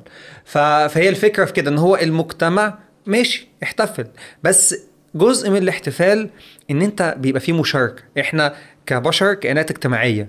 فلو جيت قلت لك احتفل إيه الاحتفال؟ حتى يقول لك ال party أو الحفلة أول حاجة بتعملها إيه؟ ه- ه- هقول للأصدقاء وهقول للأهل والأقارب ونجمع. هي الفكرة في الج- الجماعه فلا فالاحتفالات اللي هي الكريسماس وال Hanukkah والحاجات دي بتلاقي المجتمع كله بي- بيحتفل. فانت مع الوقت هتلاقي نفسك انت بقى في درجة من الليونة وبدأت بالنسبة لك طب ما نحتفل عادي والدنيا حلوة. وكله تمام إحنا نحتفل عندكم وانتوا تحتفلوا عندنا وكلنا حبايب وإيدينا في إيدين بعض. بقى هي دي بقى ال... ال... ال... الإشكالية إن الحدود اللي محطوطه والخطوط الرفيعة دي بتدوب مع الوقت وتلاقي نفسك إيه بدأت إيه تتنازل إيه مرة مع التانية مع التالتة لحد ما مرة واحدة تلاقي نفسك بقيت إيه الدنيا بيس. عادي تفهم كده. عايز أقول لك إن عندنا هنا في مصر دلوقتي بقى بيحصل حاجات في بعض المجتمعات. جميل. اللي هو الاحتفال مثلا بخلاف الكريسماس إن المسلمين دلوقتي بيحتفلوا الكريسماس في ده حقيقي ده حقيقي. آه، في ناس آه، بيحتفلوا بالعيد الهلع اللي هو هالوين. هالوين. انت واخد بالك؟ اللي هو تسرب الثقافة لدرجة إن هو بقى انتمائه الثقافي ما عادش للمكان اللي هو عايش فيه. تحس إن هو آه، مواطن غربي عايش على أراضي آه، عربية أو مصرية يعني. جميل. فنقطة نقطة في غاية الخطورة يعني. ودي نقطة حلوة إنه فعلا في ناس كتير بتقول لك إيه كانوا بيقولوا لي الموضوع ده طب ما هو أنت في بلادنا العربية ما في نفس الكلام. آه. هنا بقى نقطة مهمة إنه أنا دلوقتي بتكلم على الأشخاص اللي عايزة تبذل مجهود وعايزة تربي. إن أنا مش بتكلم على الأشخاص اللي, اللي سايبة أيديها والدنيا خلاص أنا هسيب المدرسة هي اللي تربي. فأنا أروح أدخله مدرسة international أو أدخله حاجة AUC أو غيره وأجي بعد كده أتفاجئ إنه ما هو طبيعي. أنت ده دخلته جوه يعني هي نفس البيئة إيه، نجحوا في ان هو توفير حاجة زي كده. لكن أنا بتكلم عن الناس اللي عايزة تربي النهارده لما هتيجي تربي وتقول أنا هبذل مجهود فالمعوقات لما تيجي تروح في بلد مسلم وأنا ما بقولكش اقعد في مكان معين ما بقولكش ما تخرجش اخرج. بس لما تخرج حاول تنقي بيئة فيها مع... تحديات أقل. حاول تقول أنا أروح في بلد مسلم وفي بلاد مسلمة الحمد لله النهارده متقدمة وفيها وفيها وحتى مصر نفسها فيها أماكن تقدر تقعد فيها وتلاقي level أو مستوى معيشة جيد وكل حاجة. اختار بيئة مسلمة تناسبك وتناسب عيلتك وابدأ ابذل فيها مجهود. هتلاقي المعوقات أقل. النهارده لما تيجي تقول أنا هبذل مجهود عامل زي لما واحد يحاول يجري في الرملة وواحد يجري على الاسفلت المجهود اللي هيبذل على الأسفلت هيوصلك أسرع مم. فأنا النهارده لما أروح في بيئة مسلمة مش هعاني جامد لما أجي أقول لا معلش ده خطأ ده ما ينفعش وبتاع لأن البيئة بتساعد ده أنا مش أقلية أنا إيه إيه فاهم community. آه بالظبط وسط community بتاعي وقت الأعياد وقت كذا أو كذا والشعائر والحاجات دي هتكمل معاك هتبقى عوامل مساعدة. لكن أنت ما تروحش ترفع سقف التحديات وتقول أنا أروح هناك عندهم وأنا بقى أقلية والشعائر مش موجودة والحاجات اللي بتساعدني مش موجودة والمساجد مش موجودة وكذا وكذا وأنا بقى هم بكل المهام دي بنفسي طب مي- مين ضمنك إنك مش ضعيف. super hero آه أنت ضعيف. بالظبط وهي دي بقى نقطة برضو مهمة إنه وخلق الإنسان ضعيف صح إنه لازم تبقى مؤمن بالحتة دي. ما تروحش عند الخمارة وتقول لي مش هشرب خمر. يعني ما, ما, تمشي من شارع بعيد وخلاص يعني. okay. طيب هل في آه، عيوب أو مساوئ تانية تحب توضحها لنا قبل ما ننتقل بقى للمميزات؟ حاسس الناس اتقفلت خالص من السفر يعني فانا اتقفلت من السفر ففي حاجات تانية تحب تضيفها لنا للمساوئ؟ آه شوف ال notes بتاعتك. رمزي عبد العزيز مش عارف الناس اللي بتروح ألمانيا وبترجع كل حاجة نوتس. أثروا عليك برضو بجانب كويس الجماعة دول. آه حلو إن هي أنت آه زي ما يعني خلينا نقول آخر حاجة لأن إحنا ذكرنا الحاجات كلها في وسط ال- النقط اللي قلناها. فكرة صعوبة اتصال الأبناء بتاريخهم وقربهم من تاريخ وتقاليد بلد المهجر. بمعنى إن أنا إزاي أتوقع النهارده إن ابني أو بنتي يبقى طالع في في بلد ما زي ما قلنا الموضوع مش بس مقتصر على ألمانيا. بس إحنا واخدينها كمثال إزاي يبقى هو طالع في ألمانيا وبيدرس النظام اللي هناك وبيشوف عاداتهم وتقاليدهم وكل يوم والتاني بيحتك بيهم و إلى آخره. وفي الآخر أنا متوقع إن هو يبقى طالع مرتبط بتاريخه وعاداته وتقاليده وهكذا. أنت. فاهم قصدي. ودي ظاهره بشكل فج وواضح مع ناس زي آه، رامي مالك والشخص التاني اللي كان عامل مسلسل على هولو اللي طالع مع آه، يعني آه، عامل مسلسل كده ومطلعين فيه واحدة من بتاعت الأفلام اللي هي كده هو الناس دي بتطلع ولما بتيجي تاخد أوسكار بيفتخروا إن هم مصريين ويقول لك أنا مصري ويخبط كلمتين مصري بس هو ال- اللي حاصل فعلا إن هو ال- الشكل مصري لكن ال- ال- التجويف من جوه هو لا يمت للمصريين بصلة. والمشكلة إنه شخص زي ده بيأثر جدا في الأجيال. ناس كتير بتفتخر بده. أيوه مصري خد الأوسكار ومش عارف إيه وبتاع. بس معلش بص على المسلسل اللي هو عامله Mr. Robot واحد من المسلسلات اللي سمعت جامد جدا. وأنا اتفرجت على كام حلقة منه وكان عاجبني جدا. لحد أما فوجئت إن هو في مناظر. مش مناظر اللي هي اللي, اللي إحنا بنتكلم فيها اللي هي المناظر يعني خليعة ده level هم تخطوا ال level ده بقت مناظر خليعة شاذة. اللي هو كده فاهم قصدي؟ وبعد كده لما جه في المسلسل أو الفيلم اللي بعديه طلع بيتكلم أو عامل شخصية مغني هو كده في الأساس. هو من بابه أصلا راجل يعني آه، آه، كده أنت فاهمني؟ وده بقى رول موديل وتيجي تبص عليه هو آه يقول لك مصري وكل حاجة بس هو من جوه هو أمريكي. مصري يقول لك السلام عليكم. آه الله ينور. عليك. ولما تيجي تبص عليه إيه طريقة الهزار بتاعته طريقة النكت طريقة أمريكاني. بالظبط. هو امريكاني هو الجيل ال- الجيل ال- الأول والثاني دايما.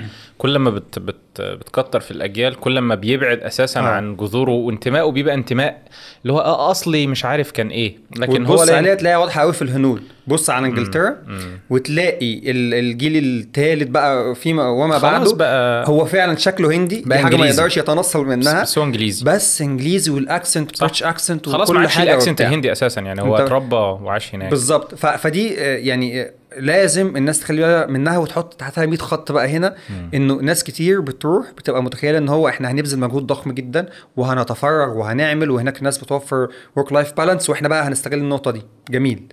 آه، أنت ممكن تنجح إن شاء الله في الجيل الأول. بس خلي عندك بعد نظر. بص للجيل التاني هيعمل إيه. هتلاقي إن الجيل التاني هيحصل حتة المرونة اللي قلنا عليها وبدأ يبقى في تقبل لحاجات مرفوضة أصلا عندنا في الدين بدأ الدنيا peace وكل واحد في حاله. الجيل التالت هيبقى أسوأ من بعد كده والمرونه هتزيد لحد ما نوصل لدرجة من إنه خلاص بقى الشخص ده بقى يعني مايع جدا ومفيش أصلا أسس. وبعد كده هت- هتفاجئ إن بقى في ناس آه، لأ خلاص أنا مسلم بس بالاسم. ده إن فضل محتفظ بيها. بعد كده يقول لك لا خلاص أنا مش مش مؤمن إن في إله أو الحاجات اللي اللي هي وموجودة. أنا عارف ناس هتيجي تقول لي موجود عندنا في بلادنا العربية في كذا كذا وبتاع.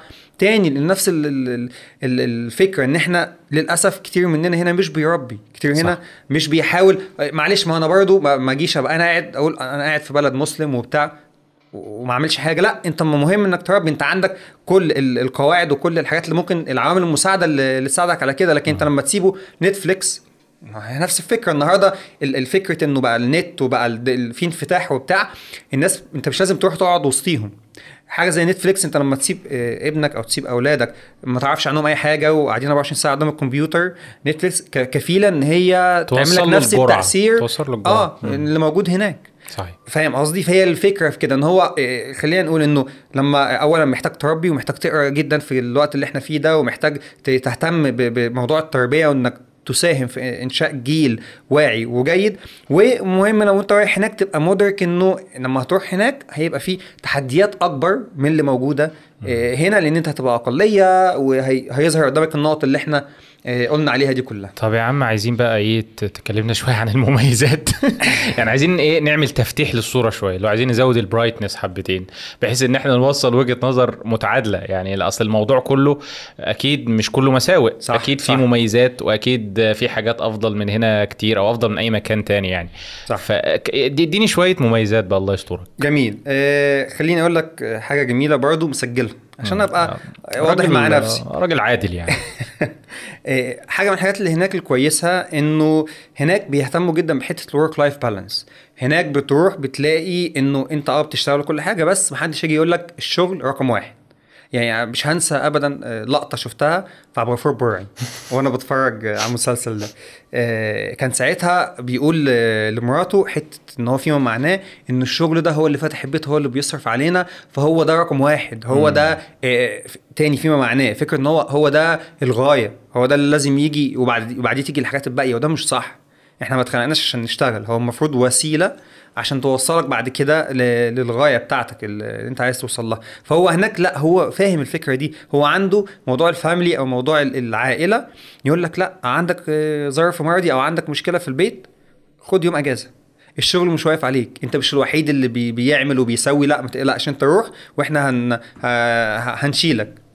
فاهم قصدي؟ فدي حاجة حلوة جدا. فال work life balance سمح للناس بقى إن هي تقدر عشان كده تلاقي دايما الناس اللي بتسافر بره آه، وبقوا ما شاء الله كتير مصريين مسافرين. تلاقي اللي رايح يعمل آه، مش عارف طالع جبل ولا اللي رايح يعمل في جنينة ولا اللي رايح يلف آه، مش عارف فاهم؟ عندهم وطالع بالعجلة يتمشى. فأنت تقعد تتفرج هي الناس دي بتجيب وقت منين؟ طب ما أنا أنا زيهم أهو مبرمج زيهم ومفحوط وما عنديش وقت أصلا عمري كله بيضيع في المواصلات وما بين كذا. فهو فعلا عشان هناك كده. فدي ميزة كبيرة. أنت فكرة عشان تاخد أجازة هنا يعني إيه بتقعد تحضر له سيناريوهات في دماغك. اللي هو أصل جوز أختي عمل حادثة على الدائري وأختي بتولد. عارف واحيانا بيدفعك للكذب علشان تاخد ما هو صح. حقك. إن هو يا عم أجازة. أنا أنا مش مهيئ إن أنا أشتغل النهارده. I need a break ودايما بيلعبوا على حتة إنه إيه أنت ابن الشركة. فأنت إيه بص لما هنكبر كلنا انت مش ابن. الشركة أنت ابن لا يعني عارف عارف المشكلة في إيه؟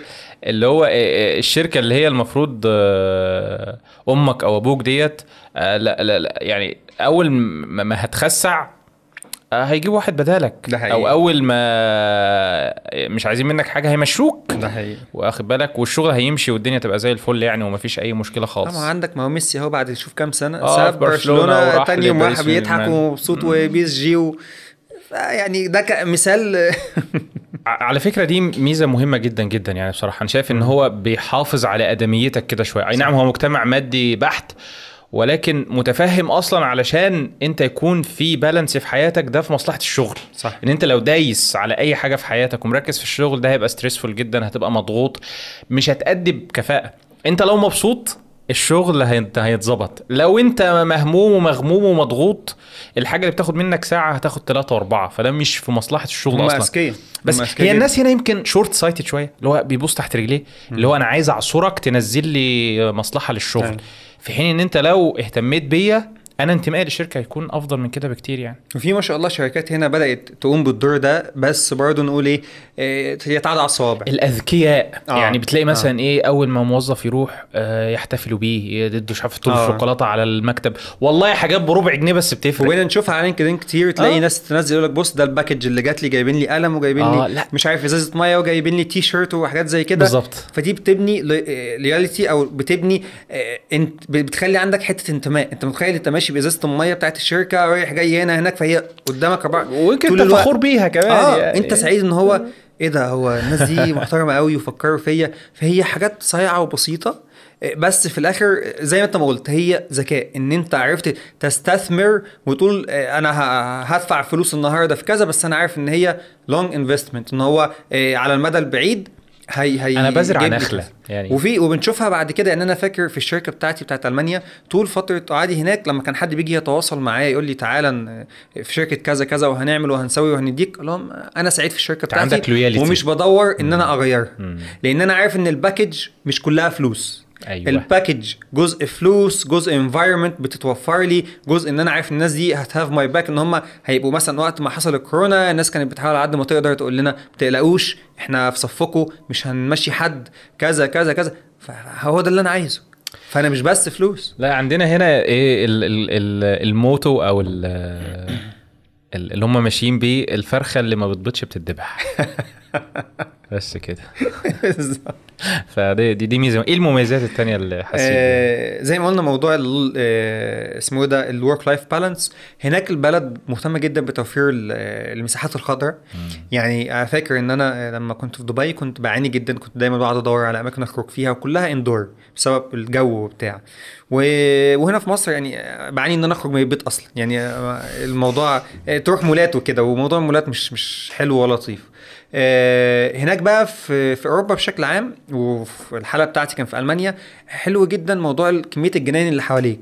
كمية جناين مش طبيعية. اللي هو أنا أنزل أروح جنينة نظيفة جدا وكل عارف إحنا عندنا هنا كل 100 متر في مسجد. هناك كل 100 متر في جنينة. فتروح جناين نظيفة جدا حلوة م- مناظر تحفة. تقعد تنزل كده أنت وعيلتك وتخلي آه، أولادك يجروا.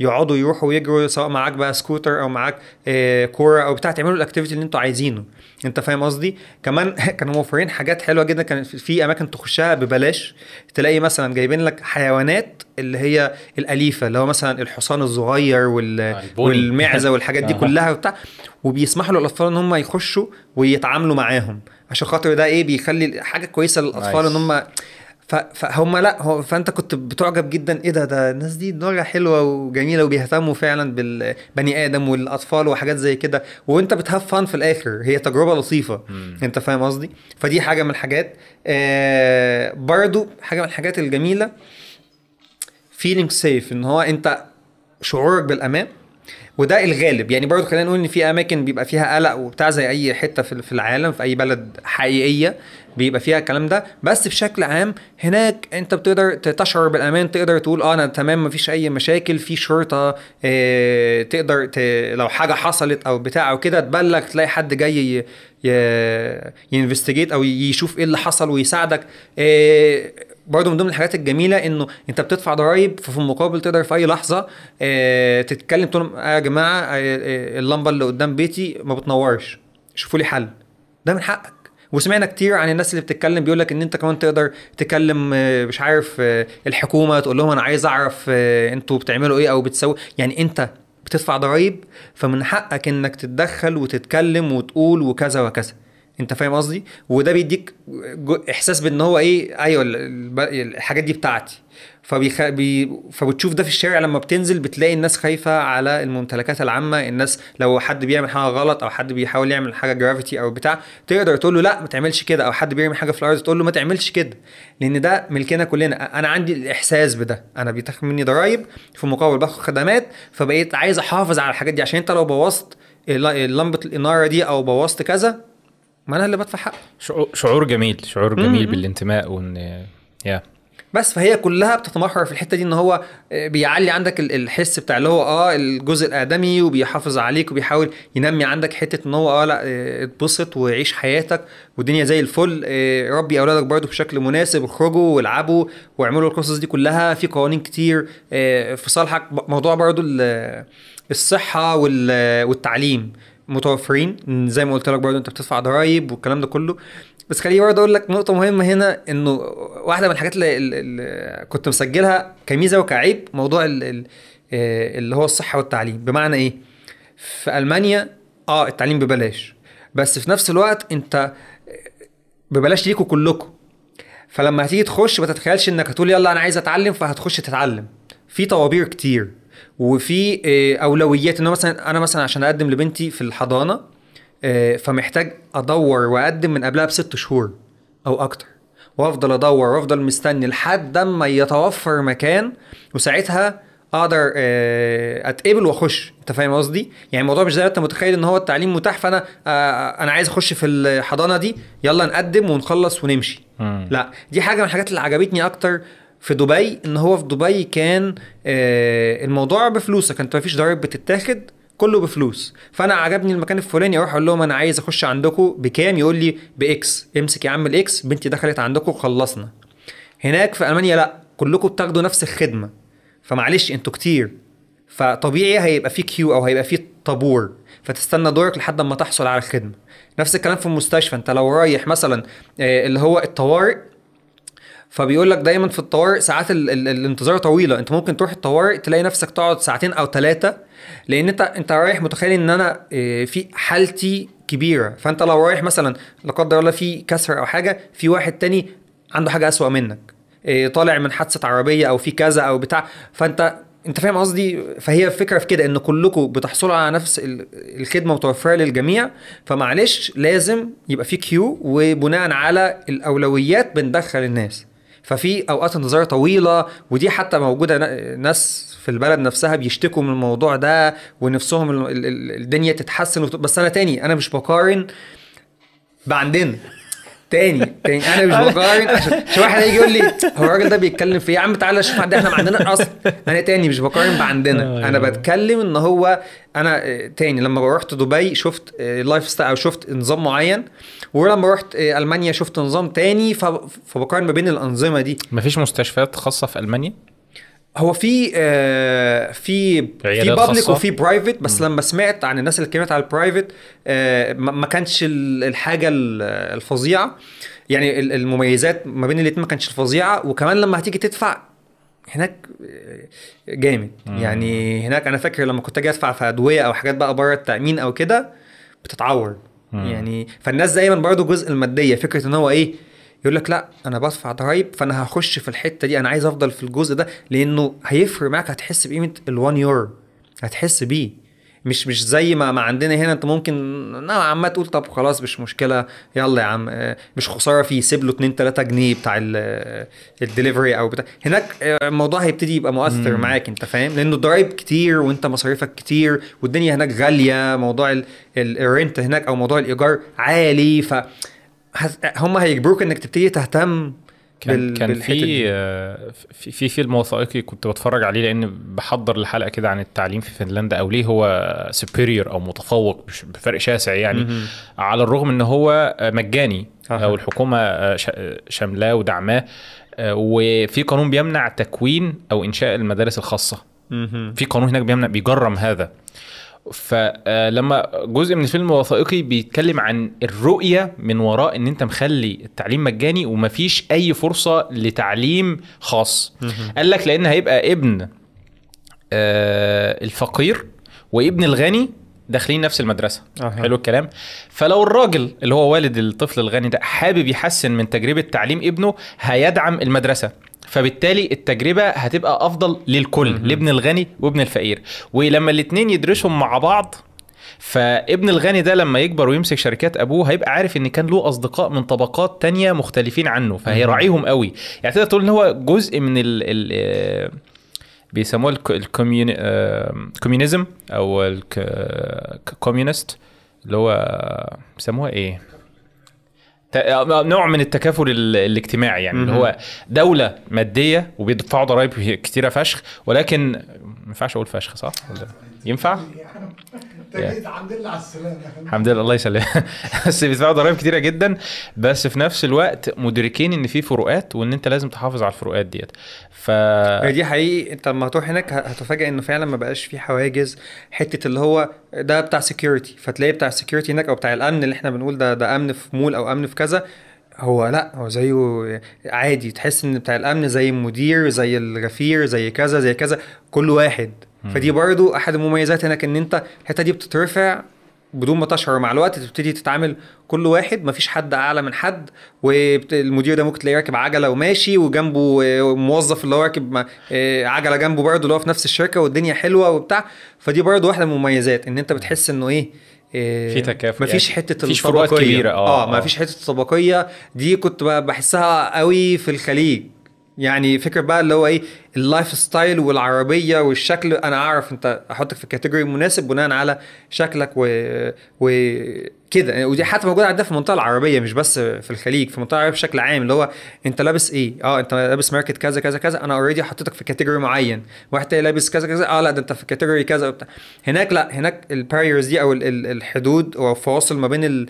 الناس بيحاولوا فعلا يدوبوها بحيث إن تحس كله دي آه، ميزة واحد. دي ميزة مهمة جدا جدا. وبرضه خلينا نقول هي ميزة ونوعا ما يعني ممكن ما تبقاش ميزة قوي لأنه أنا مثلا حاجة من الحاجات اللي بحبها هنا أو حسيتها هنا كميزة أنا مثلا لو رايح ايكيا وخلصت مشوار وخلصت حاجة وخارج من ايكيا وبينت بس إنه يا جماعة أنا محتاس ألاقي 50 واحد جايين يقولوا لي باشا عايز مساعدة نعمل لك وبتاع؟ أقول له آه يا ريت. يساعدني ويشيل لي ويعمل لي وبتاع وفي الآخر بشوفه بحاول له اتفضل وبتاع وببقى مبسوط. هناك انت لو قلبت- قرد ما حدش هيعبرك بتاع ال security هناك أنا إيه أجي اساعدك أنا مهمتي security. فهو بيتعامل ان هو انت فاهم كده كل واحد ليه وظيفته ومفيش وظيفة إيه، دنيا ووظيفة عليا. هو كل الوظائف مهمة تلاقي يوم الأحد السوبر ماركتات كلها بتقفل أو كل حاجة بتقفل يوم الأحد. فلو عايز تجيب حاجة لازم يوم السبت أو قبلها يعني تروح وتجيب حاجتك. يوم الأحد كله بيقفل. إحنا عندنا هنا الناس يقول لك أقفل ليه؟ ده أنا أفتح وأعمل فلوس بقى حلوة واعمل. أنت فاهم قصدي؟ عدم إدراك في الأساس ل... لأهمية إن أنت تفصل يعني. يعني آه. أظن إن دي حاجات فردية فروقات فردية. اللي بس هم واخدينها هناك برضو بح- بحسها تو ماتش يعني أنا النهارده لو بنتي تعبت عايز انزل أروح آه، صيدلية أو اعمل. يقول لك لا الصيدليات كلها مقفولة في في اماكن معينة هي اللي هتلاقيها فاتحة. ماشي يا عم جميل احترم ال ال ال آه، إحنا كعرب حتى إحنا إحنا أنا مبسوط بده. أنا لما جيت هنا مبسوط حتة ان هو في طول الوقت أقدر في اي وقت انزل الاقي حاجات فاتحة 24 ساعة الاقي ال- حد اتنين تلات في اي وقت ال- الدنيا متاحة ليا. دي ميزة من المميزات اللي أنا ممكن أحصل مش عليها. عارف ليه حاسك متحامل شوية. حتى المميزات بتطلع فيها عيوب. لا لا يعني على فكرة الحتة دي أنا فاكر حتى في الجروبس الناس آه. كانت بتبعت يا جماعة اللي عايز يجيب حاجة يلحق يجيبها عشان بكرة الحد. فأنا في أوقات كنت مثلا أنسى أجيب الحاجات ألاقي مفيش ولا آه، فينو ولا عيش ولا كذا. فنقعد بقى إيه؟ ها ناكل إيه؟ شوف إيه اللي في التلاجة. ونقعد بقى إيه؟ نرمر من التلاجة. عشان لحد ما يوم الحد يخلص. وكان بيبقى يوم طويل جدا. آه. وبتعلم بقى الأدب. خلاص يوم السبت أعمل alarm أو بتاع notification يتبعت لي. انزل هات الحاجة. أنت فاهم قصدي؟ عشان يوم الحد البلد كلها بتقفل. okay. إيه، في مميزات تانية ولا كده كفاية عليهم؟ ما بقول لك هو المميزات ما شاء الله منتشرة جدا في كل حتة. جودة التعليم آه، كمية المنح اللي بيدوها آه، موضوع الصحة والكواليتي بتاعتها. أنا بصراحة واحد من الناس اللي استفادت جدا من الموضوع هناك. الحمد لله بنتي آه، آه، زوجتي ولدت هناك وحسيت مدى الإتقان آه، في العملية دي وإزاي إن الولادة كانت نوعا ما كان كان يعني في مشاكل فيها وكانت صعبة. وشفت قد إيه الناس دي حريصة على إنه ال- الموضوع يتم بشكل جيد جدا. وفوجئت إن هم آه، حاجة كان قدامنا أحد ال options موضوع إن هو إيه آه، عايزين ال option بتاع القيصري فلقيتهم كبروا الموضوع وقالوا لنا بص امسك الورقة دي اقراها كويس دي كل المشاكل بتاعة الولاده القيصري. وبعد ما تخلص امضي ان انت قريت الكلام ده وعارف ال risk اللي موجود وان انت مستعد تمشي في القصة دي. فقعدت عملت إيه آه، فلاش باك كده. إحنا عندنا يا جماعة موضوع معكوس. ده إحنا عندنا الدكتور يقول لنا من أول لحظة بقول لك إيه انت كحة مراتك مش عجباني اديها قيصري. بص انت, انت, جاي على قضية كل ما اتكلم فيها دم بيتحرق. حقيقي. أها. اللي هو عندنا ال option اللي إحنا مصر اولا أول دولة في العالم من حيث الولاده القيصري. بسم الله الرحمن. الرحيم يعني. آه ثانيا الموضوع تجارة في المقام الأول. I hate it أنا بكره الدكاترة اللي بيعملوا كده. وبيبدأوا يلعبوا على العامل النفسي للزوج والزوجة. الدكاترة أصل هتزعل ال- منك. أي واحد بيتعامل مع الموضوع كتجارة بهذا ال- الموضوع يتحرق بجاز. دون كير يعني. لأن الموضوع منتشر بشكل بشع. اللي هو أصل الحوض فتحة الحوض مش عارف عامل إزاي. أصل الواد مقلوب بشكل مش عارف أصل مش عارف مصارين البتاع لف على رقبة الولد اللي هو حاجات معقولة كلنا كده شمال. أيوة. في إيه؟ ده أنا الناس زمان كانوا بيولدوا في الأرض وهم بيجمعوا من القطن و... أي نعم في فروقات دلوقتي في الصحة وفي فروقات في كل حاجة بس للأسف الشديد م- مش للدرجات يا جدعان. معلش يعني. آه، اللي هو ما فيش حد بيولد طبيعي خالص. بقى لما تسمع إن حد آه، واحدة ولدت طبيعي اللي هو ده دلوقتي المختلف. آه. حرفيا وأنا عايز أقول لك إن جزء كبير منها جدا متاخد كتجارة لأنه أها. فاتح مركز بدل ما هيقعد مع واحدة بقى تقعد تهاتي معاه 24 ساعة هو بيجي 3 4 ساعات شق طلع الواد خيط شق طلع الواد خيط فبيعملوا 3 4 عمليات وبدأ له. يتسوق الناس بقت هي اللي تختار يعني هو اتعمل يعني له ما ينفعش آه. يعني المفروض يبقى في رقابة يعني حاجة تحرق الدم والله ما هي دي بقى الفكرة إن هو هناك عشان خاطر الموضوع ما فيش بقى حتة التربح ويلا نعمل وهتدفع أكتر وبتاع وهو اوريدي أنت بتدفع ضرايب وبتاخد آه، كذا وكذا. فده عجبني جدا إن هو لقيتهم واخدين الموضوع بجدية جدا وقالوا لي كل المميزات والعيوب بتاعت الموضوع وقالوا لي في الآخر حتى بعد ما قلنا لك وأنت قلت تمام إحنا هنحاول قدر المستطاع نتجنب الموضوع في إن ده. إحنا نمشي طبيعي ولو احتاجنا ساعتها هنعمل الموضوع القيصري وفعلا بذلوا مجهود ضخم وفضلوا لآخر نفس والحمد لله الدنيا مشيت تمام. يعني حتى الله. لما بنتي آه، ربنا كرمنا يعني وجت كان حصل مشاكل وقتها في في التنفس بتاعها وكده وجريوا عليها وراحوا حطوها على أجهزة وعملوا وسووا وبتاع وبذلوا أقصى ما يمكن عشان يتجنبوا الحتة دي. أنت فاهم قصدي؟ فهو سبحان الله إن هو فكرة الإحسان. هم عملوا حاجة من الحاجات اللي هي المفروض إحنا نهتم ونلتزم بيها شيء مؤسف الصراحه انت فاهم؟ ف... فدي برضو م- لازم نديهم ال كريدت حقهم. آه لازم نديهم كريدت في في الحتة دي. فهم آه م- متقنين في, في عملهم فكرة و- في في كتير من الدول العربية بتتبع نفس الكلام برضو اللي هو القيصري ده يا جماعة عملية جراحية. مم. ما يعني مش مش رفاهية. عملية جراحية فعلا فيها تخدير وفيها فتح وفيها خياطة وفيها مشاكل كتيرة جدا. يعني حقيقي. الموضوع مش بهذه السهولة يعني وبصراحة بيبقى شيء برضو مؤسف حبتين إن هم بيراعوا آه الإنسان أو البني آدم.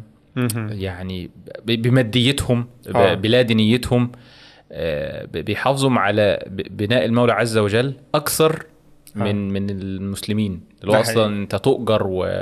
و... ويعلو قدرك لو عملت كده فأنت مش بس تؤجر في الدنيا إن أنت بت... بت... بتبقى جيد في عملك لا أنت بتؤجر برضه في الآخرة يعني فشيء مؤسف جدا شيء شيء صعب يعني. بس الله المستعان. عشان كده الموضوع يعني very tricky أو يعني الموضوع فعلا عامل زي إيه ال- ال- الشعرة الصغيرة جدا اللي لازم تاخد بالك منها إنه الناس دي عندهم إتقان عالي الناس دي رائعين الناس دي الألمان. كويسين وكل حاجة. أنا بتكلم عموما على الأوروبيين آه وكل حاجة وبتاع بس ما تنساش ما تجيش تاخد الحتة دي وتنجرف وراها وتقول بس هم كويسين في الحتة دي فهم كويسين. لا هم كويسين في كذا وكذا وكذا. وفي نفس الوقت عندهم مشاكل في كذا وكذا وكذا. لكن ما ينفعش أعمم وأقول هم كويسين في كذا وكذا وكذا فهم كويسين. لا هم مش مش اجمالا. لأن ده هي هيوديك بقى إيه في في المشاكل اللي اتكلمنا عليها في في البداية. أنت فاهم قصدي؟ فلازم نديهم قدرهم نديهم الكريدت في الحاجات الحلوة اللي عندهم ومتقنين في كذا وكذا. ونقول برضو إن عندهم مشاكل وفي تحديات هناك والى آخره. أنت فاهم قصدي؟ يا بس. دي كل المميزات. آه وأنا زي ما قلت لك في مميزات كتير أكيد مش مش ظاهرة في في ذهني دلوقتي آه، بس ناس كتير قوي اتكلمت عنها في فيديوهات مختلفة أو في مقالات أو غيره وواحدة من الحاجات اللي أنا استفدت منها ان لقيت نفسي قادر أفكر في المستقبل إن أنا بسبب موضوع ال work life balance والحاجات دي بقيت قادر أقول بكرة أنا عايز أعمل كذا السنة الجاية عايز أعمل كذا بدأت أخرج بره الحتة بتاعت إنه إيه شغل شغل شغل وإنك دايما باصص تحت رجليك وال... والقصة دي كلها وبتاع آه، فاه يعني زي نقدر نقول إنه المميزات اللي إحنا قلناها دي دي الخطوط العريضة قوي وتقدر تخص بقى تخش تشوف آه، تفاصيل كتير في ما بين السطور. ألمانيا من الدول اللي المبرمجين بالذات هي الوجهة الأولى بالنسبة لهم دلوقتي يعني. آه، بتهيألي أفضل مكان جاذب للمبرمجين من كل حتة يعني حتى دلوقتي لما بشوف أي حد بي- بيعلم الناس برمجة أو آه، بيدعوهم إن هم يم- يمسكوا ال track ده أو المسار ده آه، بي- بيبقى مدموج معاه كده حسن اللغة الألمانية بتاعتك لأن فرص شغلك في ألمانيا ده حقيقي. عالية جدا جدا جدا والمرتبات هناك كويسة والحاجات اللي أنت بتاخدها من مميزات وتسهيلات يعني أكتر من أي حتة في العالم. ليه؟ عشان هم موضوع عرض وطلب. هو هناك عندهم startups كتير جدا. كمان موضوع UK لما خرجت بره الاتحاد الأوروبي فده خلى في startups كتير تروح ل... لألمانيا تسهيلات. لأن هي آه. في الاتحاد الأوروبي مم. فاهمني خروج UK من الاتحاد الأوروبي سبب لها مشاكل في الحتة دي فال startups الكتير بقت كتير قوي تمام ف... ففعلا في شغل أنا فاكر إن كان على LinkedIn كل يومين ثلاثة ألاقي ناس بعتالي recruiters في كذا في كذا في كذا. فاللي خلاص يا جماعة أنا مبسوط في اللي أنا فيه بطلوا زن.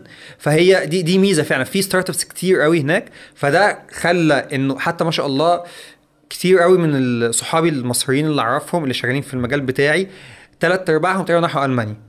تمام؟ في منهم اللي راح الشركة اللي راح الشركة اللي شغال فيها وفي منهم اللي راح شركات تانية آه، بس موجود still في, في ألمانيا. فهو آه عشان في شركات كتير جدا هناك كل يوم العدد ده بيزيد وفي نفس الوقت عندهم تسهيلات كبيرة زي ما قلت في أكتر من مرة موضوع إن هو مثلا أنت لو راجل computer science فإحنا هنتغاضى عن موضوع الألماني. يعني في الطبيعي أنت لو داخل بيبقى ليك درجة معينة من اللغة الألمانية وزوجتك ليها درجة معينة من اللغة الألمانية.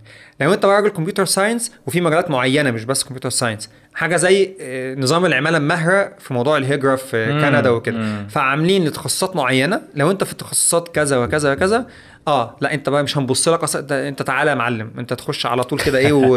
عندك free pass آه بالظبط. تعالى خش إحنا أصلا محتاجين ال- المجال ده. مش. هنبص. يعني أنا أنا دخلت معيش ألماني. وكنت داخل بكلمة واحدة اللي هو Tschüss اللي هو إيه شكرا. Tschüss آه بالظبط رايحة جاية شكرا شكرا. كده فاهم قصدي؟ بس فطبعا أنا ما بقولش حد يعمل زي يعني موضوع الألماني مهم جدا.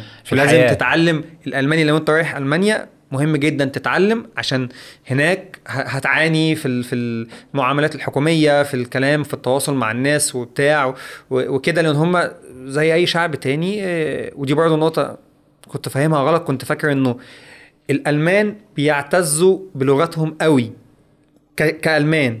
لما خرجت لقيت إنه مش الألمان الشعوب كلها بتعتز بلغتها قوي. في فرنسا بيعملوا كده بيتكلموا فرنساوي. وممكن يبقى عارف إنجليزي وما يكلمكش ما يقولكش إنجليزي. أنا ليه أتكلم إنجليزي؟ في ألمانيا بيعملوا كده. آه، في تركيا بيعملوا كده. مين تاني؟ أي بلد أوروبية أغلب البلاد الأوروبية بت- بتنتهج نفس النهج. يقول لك في روسيا نفس الكلام. لما بلاقي صحابي مثلا الروس بيتجمعوا مع بعض وإحنا أهو في بلد آه، أجنبية في, في ألمانيا. إحنا ليه نتكلم إنجليزي مع بعض إحنا روس مع بعض نتكلم هي نفسية المنتصر يعني كل البلاد ديت في مرحلة ما من عمرها كانت دولة مستعمرة إمبريالية مسيطرة آه. أصلا على البلاد كلها فأنا المعلم إزاي آه. أتكلم لغة اللي شغال عندي أو اللي أنا بالظبط. مستعبده يعني بالظبط. فهي ألمانيا كانت على وشك إنها ت- تحتل العالم بحاله يعني لولا مع- معركة ستالينجراد ولا لينجراد وفرنسا نفس الكلام كانت مستعمرة غرب أفريقيا كلها. إنجلترا طبعا إنجليزي أصلا يعني فمش مش داخلة معانا. البلاد الاسكندنا- الإسكندنافية بالتالي تابعة برضو لألمانيا آه، آه، أو. ولاد عمهم يعني عارف آه. نفس القبائل في الأساس يعني. ف يا. طيب آه، أنا كمبرمج إيه اللي يأهلني إيه ال minimum requirements علشان تيجي لي فرصة أو عشان لما أقدم في فرصة في احتمال إن أنا اتقبل أو أسافر أو حاجة زي كده. يعني أوصل لفين بالظبط؟ مع العلم إن في مسارات كتيرة في البرمجة. يعني في ال software development في آه، ال front end back end آه، في التستر في حاجات كتير يعني في تشعبات كتير يعني.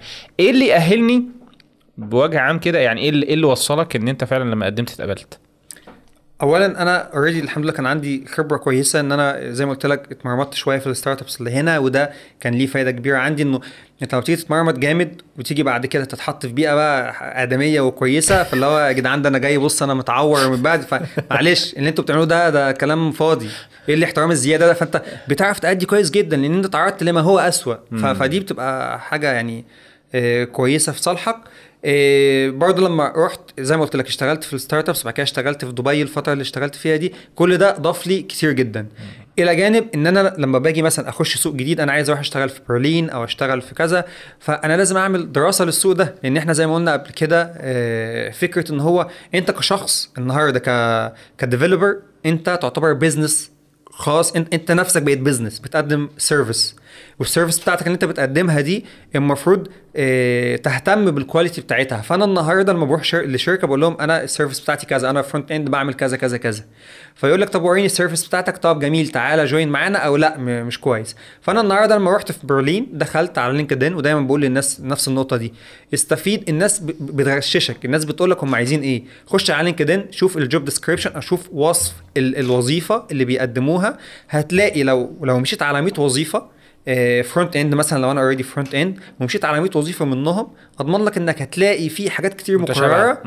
آه فعرفت إنه آه الناس مثلا محتاجين أكتر حاجتين منتشرين مثلا React و Vue دي frameworks اللي مطلوبة جدا. ومحتاجين إنك لازم تبقى عارف unit testing ده بالنسبة لل front end ولا آه عموما؟ بالنسبة لل front end إيه وهكذا. مثلا في في الموبايل تقول إيه ده؟ ده محتاجين Flutter إيه كتير جدا. عن طريق search بسيط مش هيكمل منك نص ساعة. يعني بتريفيرس انجينير الموضوع آه، إن أنت. مش بتشتغل بشكل عشوائي. وتروح تشوف هم طالبين منك إيه أنت. بتروح تشوف هم إيه المتطلبات وتعمل check قصادها وتشتغل على الحاجات اللي واقعه دي منك. تحت بند work smarter not harder اللي هو فكرة إيه؟ أنت ممكن تمشي في الاتجاه التاني إنك تحاول تتشعب في كل حاجة آه. بس نسبة إنك هتقع في النص ومش هتكمل كبير. spot يعني يمكن دي من ضمن الحاجات اللي كنا بنقولها للناس عامة في الاختبارات. اللي هو آه، آه، ما تيجي تذاكر روح شوف الامتحان الأول شوف الامتحان بيركز هتلاقي في حاجة مكرره في كل الامتحانات صح. فدي لها الأولوية إنك تركز عليها وتذاكرها نسبتها تبقى عالية في إن هي. هتتكرر تاني زي نفس الكلام يعني آه، اشتغل بالمشقلب روح صح. شوف إيه المتطلبات وبعدين ارجع اشتغل على المتطلبات دي أي حاجة extra آه، بالظبط بيبقى هو حاطط لك بونص بيقول لك أنت لو تعرف الحاجات دي ده يبقى كتر خير ده أنت. هتبقى هو كاتب لك. بونص كذا أو لو يفضل أو preferred كذا فأنت لو عايز بقى تزود وتعلي على الناس اعرف الحاجات دي؟ حقيقي آه، حتى في آه، لنا صديق آه، قناة بيسوهات هو برضو كان شغال في دولة أوروبية. كان في النرويج تقريبا. آه كان في النرويج. آه. آه وكان من ضمن الحاجات. اللي بيعمل stress عليها قوي هو فكرة LinkedIn يعني يا جدعان روحوا LinkedIn سيبك من face زفت وسيبك من كل الكلام الفارغ ده. LinkedIn is the real deal. اللي هو بيئه شغل ناس professional بتبني آه، ال portfolio بتاع ال career بتاعك هناك. بتشوف عروض الشغل بتشوف الحاجات دي. للأسف يعني أنا ما كنتش شايف إن LinkedIn بالنسبة لي أنا يعني ما هياش الاولويه ولكن سبحان الله ما قابلش أي حد لو LinkedIn. طبعا LinkedIn طبعا. يعني لازم LinkedIn ال connections والحاجات والفرص والحوارات ديت. ف I promise يعني بعد الفيديو ده هخش أ check طب أنت LinkedIn أنت هت... ال... ه- لو استثمرت فيه كويس جدا جدا في البدايات وبدأت تهتم بيه وتكبره بعد فترة من الزمن هتلاقي هو بدأ يشتغل لوحده. هتلاقي تفاجئ إن في recruiters وهتلاقي ناس بتوع HR وناس بتتواصل معاك يقول لك إحنا شفنا ال profile بتاعك وعجبنا جدا. عايزين نيجي. ومش كده بس الواحد برضه بيفرح ساعات لما بيلاقي recruiter بذل آه، شوية مجهود أكتر. يجي يبتدي بقى يقول لك إيه بص أنا عارف ان بيبعت لك رسائل كتير. أنا حبيت أبقى مختلف وأقول لك كذا. واحد تاني يقول لك أنت مش حاسس إن هو أنت قعدت في الشركة بتاعتك too much يعني زيادة عن اللزوم مش ده بقى وقت التغيير؟ فتلاقي إنه الناس بدأت تبذل مجهود في إن. هي إيه, إيه إحنا عارف head hunter اللي هو okay. زي بتاع اللعيبة لما تلاقي أنت نفسك بقيت لعيب qualified وشخص بذل مجهود وتابع على نفسه جامد بعد كده تقعد بقى تحط رجل على رجل وتلاقي الناس بيجروا عليك زي محمد صلاح النهارده ما تستغربش لما تيجي تقول آه ده مثلا ارسنال وتلاقي مانشستر سيتي وتلاقي مثلا ريال مدريد وبرشلونة وناس كتير عايزة آه، ليه مش عشان خاطر كده حظ عشان هو بذل مجهود ضخم جدا جدا وبنى CV محترم وعرف يعرض نفسه في دو في الدوري المناسب اللي هو ده يعتبر زي لينكد إن بتاعنا. راح لواحد من أقوى الدوريات اللي موجودة في العالم وأظهر نفسه فيه. وخلاص بقى سايب إيده. الناس كلها هي اللي بتروح ليه وتقول له امسك عرض أهو كذا كذا كذا إيه رأيك تيجي ولا لأ؟ فاهم قصدي؟ فكرتني بعنوان كتاب لكارل نيوبورت اسمه So Good they cannot ignore you يعني انت. جامد قوي لدرجة ان مفيش حد يقدر يتجاهلك يعني. أوكي. بس هو في المج... في الحتة بتاعتنا برضو خلينا نقول إن هي مش للدرجة هو أنت مش هتبقى المرحله دي ولكن فعلا السوق محتاج جدا آه. ناس qualified وناس شطار لدرجة إنه المساحة واسعة قوي إنك تقدر تحجز لنفسك مكان. أنت مش لازم أوكي. تبقى أجمد واحد. طب أنت بمناسبه ممكن تبقى واحد من الجامدين. ودي تكفي. cool جدا. يعني تقدر ت- عضو من الايه القطيع آه،. الذئاب. لكن مش لازم مش محتاج تبقى الأجمد. أوكي. آه، طب بخصوص سو جود دي كانوت اجنور يو وإن أنت تشتغل على نفسك والكلام ده كله. هو أساسا بيتكلم عن ال passion هل ال- البرمجة أو المسار اللي أنت مشيت فيها was your passion يعني أنت بادئ كده إن أنا حابب البرمجة وأخش أدرسها ولا بدأت الموضوع إزاي معاك؟ لا خالص. ما في البداية ما كانش passion خالص. كان يعني والدتي ربنا يكرمها ويديها الصحة. آمين. يعني كانوا بانيين أمال عن إن أنا أخش هندسة زي ناس كتير. لو يا هندسة يا طب. فمع الوقت لقيت نفسي داخل في هندسة وبحب الرياضة وبتاع قلت يلا نخش علم رياضة هندسة. ما جبتش هندسة دخلت في حالة شبه إحباط كده اللي أنا كنت حاطط هندسات كلها وبعد كده ما بصيتش بعد كده هحط كتبت آه، تجارة وحاجات باقيه اللي هو أنا هي هتيجي هندسة. فسبحان الله فرقت على نص درجة أو حاجة زي كده فلقيت نفسي دخلت تجارة عين شمس. تمام؟ قلت خلاص. خلصت بقى. أنا والدتي بقى فكرت فيها إزاي؟ أنت جايب 92 ونص. حرام 92 ونص ما نستغلهمش. يعني ممكن يشتروا حاجة أحسن. استخسار. أنت فاهم؟ آه ف... فايه قعدت تبحث كده؟ سمعت إن في حاجة اسمها حسابات ومعلومات. بتاخد من كان ساعتها 92 أو 92 وكسر برضه بس أنا أقدر أجيبها. قالت لي تخش حاسبات هي ما تعرفش حاسبات دي بتتكلم عن إيه؟ ولا ولا ما أنت أعرفش. عارف. ولا أنا عارف. اللي هو قالت لي طب يلا ابذل وبتاع. قلت لها لا أنا خلاص. فهي اللي راحت وسعت وجابت الملف. وحطت وبتاع. قالت لي أنت اوفيشالي بقيت خلاص في حاسبات. فالحاجة يعني لها الفضل الأكبر إن أنت فعلا يعني مشي يعني أنت رحت تقريبا لقيت إن أنت نفسك ورقك إيه اتغير لكلية تانية داخل أنا كنت داخل تجارة ومسستم نفسي على كده خلاص وبعد كده هي ربنا يبارك لها ويديها العمر. الطويل. هي بقى زقت في الحتة دي دخلت حاسبات آه، وأعتقد القصة دي بقى يعني بحب أحكيها آه، ليه لأن هي بتبقى درس مهم جدا إن هو مش دايما الموضوع بيبدأ بشغف لأن دايما الناس بتبص للموضوع من ناحية إن هو إيه ال perfect plan اللي هو ال ال الصورة المثالية القصة الجميلة اللي البطل فيها من البداية عارف إنه بطل وبيعمل. لا أنا من البداية ما بدأتش آه وأنا بحب البرمجة مش زي ناس كتير اللي بتقول إن أنا من زمان وأنا بحلم وب- وبستعد. لا أنا لما دخلت ما كنتش بحب البرمجة ولما دخلت الكلية هم كرهوني في البرمجة يعني عملوا معايا السليمة. ف... فلحد سنة رابعة أنا مش مدرك إن هو أنا ممكن أبقى مبرمج في يا جدعان الدنيا مبهدلة خالص وصعبة و... وكمان شلت سنتين أثناء الدراسة ففقدت ثقتي بنفسي تماما وإن هو الدنيا ضايعة خالص. فسبحان الله في, في آخر سنة ويمكن كل حاجة حصلت لي كانت خير يعني لما جيت شلت السنتين دول وقعدت اتعرفت على أفضل ناس لحد النهارده أنا مكمل معاهم صحابي اللي هو إحنا في الآخر إيه عارف زي لما تمسك كده المصفى وتفلتر فإحنا كلنا اتعرفنا الناس اللي شالوا واللي قعدوا كلهم اتعرفوا على بعض. فبقى إحنا إحنا شبه بعض إحنا وقعنا بسبب نفس الأسباب مش عشان إحنا وحشين ولكن عشان ال system إحنا مستغربين ومش قادرين كده. ف... فبعد ما قعدت سنتين وفي آخر سنة وعشان خاطر graduation project أو مشروع التخرج كنت كنا مضطرين ناخد بقى course عشان ما ينفعش بقى خلاص إحنا عايزين نتخرج. زهقنا من المدرسة. عايزين نخلص. آه ف... فرحت خدت course فبعد ما خدت ال course كان عادي كان متواضع. ومع ذلك سبحان الله اكتشفنا إنه إيه ده ده الدنيا سهلة والدنيا جميلة وكان .NET ساعتها وعملنا website كامل والدنيا جميلة. فمرة واحدة حسيت إنه آه، أنا أقدر. أنت فاهم قصدي؟ أنت قادر على التحدي ف... أنت قادر تعمل. ف... ف... اللحظة دي بقى حصل بقى ال- التغيير الكامل اللي هو. في في حاجة كده اللي هو إيه أنت تقدر ثقتي آه. كلها رجعت. من تاني عملت الحمد لله graduation project يعني كنت مت... شبه متكفل بيه أنا واثنين ثلاثة بس من ال team. كنا team كبير. أنا كنت سعيد بده. عايز أقول لهم أنا مستعد أشتغل فيه وهعمل ومش عايز حد يحط إيده ومش هتضايق من حد. من كتر فرحتي إنك عارف أنت لقيت لقيه لقيت ال... كده. والحمد لله ال project خدنا فيه امتياز ما كانش أفظع حاجة بس الحمد لله كان كان إنجاز بالنسبة لنا. ومن ساعتها وأنا إيه بقى انطلقت اللي هو الحمد لله اتخرجت. بعد كده قعدت ست شهور بعد ما اتخرجت. آه، أنا متيقن إن اللي أنا اتعلمته مش كفيل إن هو يشغلني. فقعدت ست شهور كده مغلق على نفسي. ثلاثة أو ستة مش فاكر. إيه، قعدت أذاكر أذاكر أذاكر. ربنا بعت لي حد من صحابي أو من الاساتذه بتوعي يعني. قال لي في حد أعرفه بيدور على ناس. مش أنت مبرمج؟ هو بيدور على مبرمج. قلت له أنا عندي جيش. قال لي روح جرب بس. رحت عملت interview الراجل كان مبسوط جدا مش مصدق إن هو إيه، أنت لسه خريج وتعرف وعارف تجاوب على الحاجات دي. فهو بالنسبة له اللي بيجي أبيض بيجي يتفاجئ عنده إن هو مش مؤهل لل... للسوق. فلما لقى كده قال لي يلا بينا. قلت له بس أنا عندي جيش. قال لي مش مشكلة أنا هتقبل تعالى اقعد الثلاث أربع شهور دول. قعدت ثلاث أربع شهور الدنيا جميلة شغال back end developer آه بعد كده دخلت الجيش. هو حب إن أنا أكمل معاه فبقيت بشتغل معاه وقت ما بنزل الأجازات. كان في أجازات بنزل عليه. يعني أنا نازل من الأجازة رايح بالأفرول بتاعي واللبس أقوم إيه طالع عليه أروح أغير هناك في في المكان. من كتر ما أنا كنت حابب الموضوع وحابب إن أنا أكمل في الموضوع ده. أنت فاهمني؟ اللي هو كان الزيرو قبل كده قالها فكرة إن هو في ناس بتقضي أعمارها كاملة وللأسف ربنا مش بيوفقها إن هي تلاقي الحتة بتاعتها أو تلاقي الحاجة اللي هو كان بيدور عليها وللأسف بيفضلوا شغالين في حاجة اللي هو إيه خلاص إحنا ماشيين إيه وعايشين وده اللي داخل قد اللي خارج كده. وفي ناس تانية ربنا بينعم عليها إن هو من بدري بيلاقوا حاجة زي كده. وممكن تلاقيها في العشرينات ممكن في الثلاثينات ممكن في...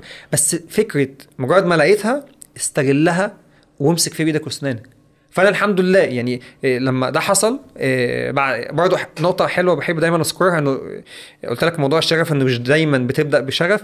نفس الكلام جوه البرمجة نفسها لما بدأت ك back end developer قعدت سنة كاملة شغال back end. وبعد كده فوجئت إن في في ال team عندنا آه، في جوي آه، ناس جديدة انضمت اشتغلوا front end. فكان front end لسه حاجة جديدة كان في الأول web design وحاجة عبيطة شوية HTML على CSS وخلاص. بدأ المجال ده يتحور وشكله يتغير وبتاع. فرحت قعدت مع الناس دي هو إيه ال front end بدأوا يقولوا لي وكذا وكذا. بعد كده لقيت في animation وفي jQuery والدنيا حلوة وبتاع. بعد كده اكتشفت إن أنا حابب الموضوع. رحت قلت للراجل أنا عايز أبقى الاثنين اللي هو full stack هعمل لك ده وهعمل لك ده. بعد كده لقيت ال jQuery بدأ أو ال front end بدأ يعجبني أكتر لدرجة إن أنا عملت CV تاني ك front end وقررت إن أنا أضحي بالسنة اللي أنا آه، درستها دي. لأن أنا بعد ما لقيت إن في شغف بالبرمجة لقيت إن في شغف تاني بال front end جوه البرمجة. فدي برضه نقطة مهمة إن أنت وارد جدا إنك آه، تبدأ في مجال ما وبعد فترة تقول إيه ده؟ ده في مجال تاني أحسن أنا ممكن ادي فيه بشكل أفضل. مهما كان أسباب حبك ليه إيه بس في الآخر أنت حسيت إنه الحتة دي ممكن أبقى فيها أحسن. Yes. وده اللي خلاني قررت إن أنا أضحي بالسنة دي ورحت بدأت من جديد في مجال ال front end بس ده ضمن لي إن أنا بقيت مش بحس إن أنا بزق نفسي إن روح أقرأ articles أو روح أتفرج على conferences أو أتفرج على ناس بتتكلم في الحتة دي أنا بقيت بعملها آه، لا شعوري. لأن أنا حابب ده حابب أشوف إيه الجديد إيه اللي زي لما أهلك يجيبوا الجورنان هو جا- بيجيب جورنان عنده حب واستطلاع عايز يشوف وكذا وكذا. كده فهي فكرة الشغف هي كلمة للأسف مؤخرا بدأ يتم استخدامها بشكل آه، سيء. ولكن الشغف موجود ولكن مش دايما زي ما هو إيه اللي هو أنا هطير في السماء وهعمل واعمل سيب كل دنيتك و... لا لازم تبقى يعني الشغف مش هو نقطة الانطلاق. آه، بالظبط. يعني أنت ما أنتش. عارف أصلا يعني أنت هتعرف منين؟ بالظبط. واخد مش بالك هتعرف غير لما تجرب. أنا بصراحة اللي لفت نظري جدا في في في قصتك دي إنها شبيهة بحد كبير قوي. لما كنت في الكلية برضو عشان مشروع التخرج بنروح ناخد كورس عشان يلم لك الدنيا دي ويشبكها في بعضها ويدي لك الخلاصة. لما رحت الكورس بدأت أفهم الدنيا بتمشي إزاي. جوه الكلية الدنيا مشتتة مفككة ما أنتش عارف ده بيتاخد ليه أو ده هتحتاجه أو لأ. عامل زي اللي معاه شنطة وهي أصلا الكباست بتاعتها محدودة وأنت عمال تشيله حاجات كتيرة حاجات كتيرة حاجات كتيرة. مفيش حاجة أصلا بتخليها في الشنطة. انت بس عشان تفضيها في الامتحان يعني. فهي لما نقول إن أنت لما بتتعلم بره الكلية بتتعلم أحسن آه، فده واقع. يعني حرفيا ده واقع. أنت لما بتروح تتعلم لما بتروح تاخد كورس حتى لو اللي بيدي الكورس ده معيد في الكلية.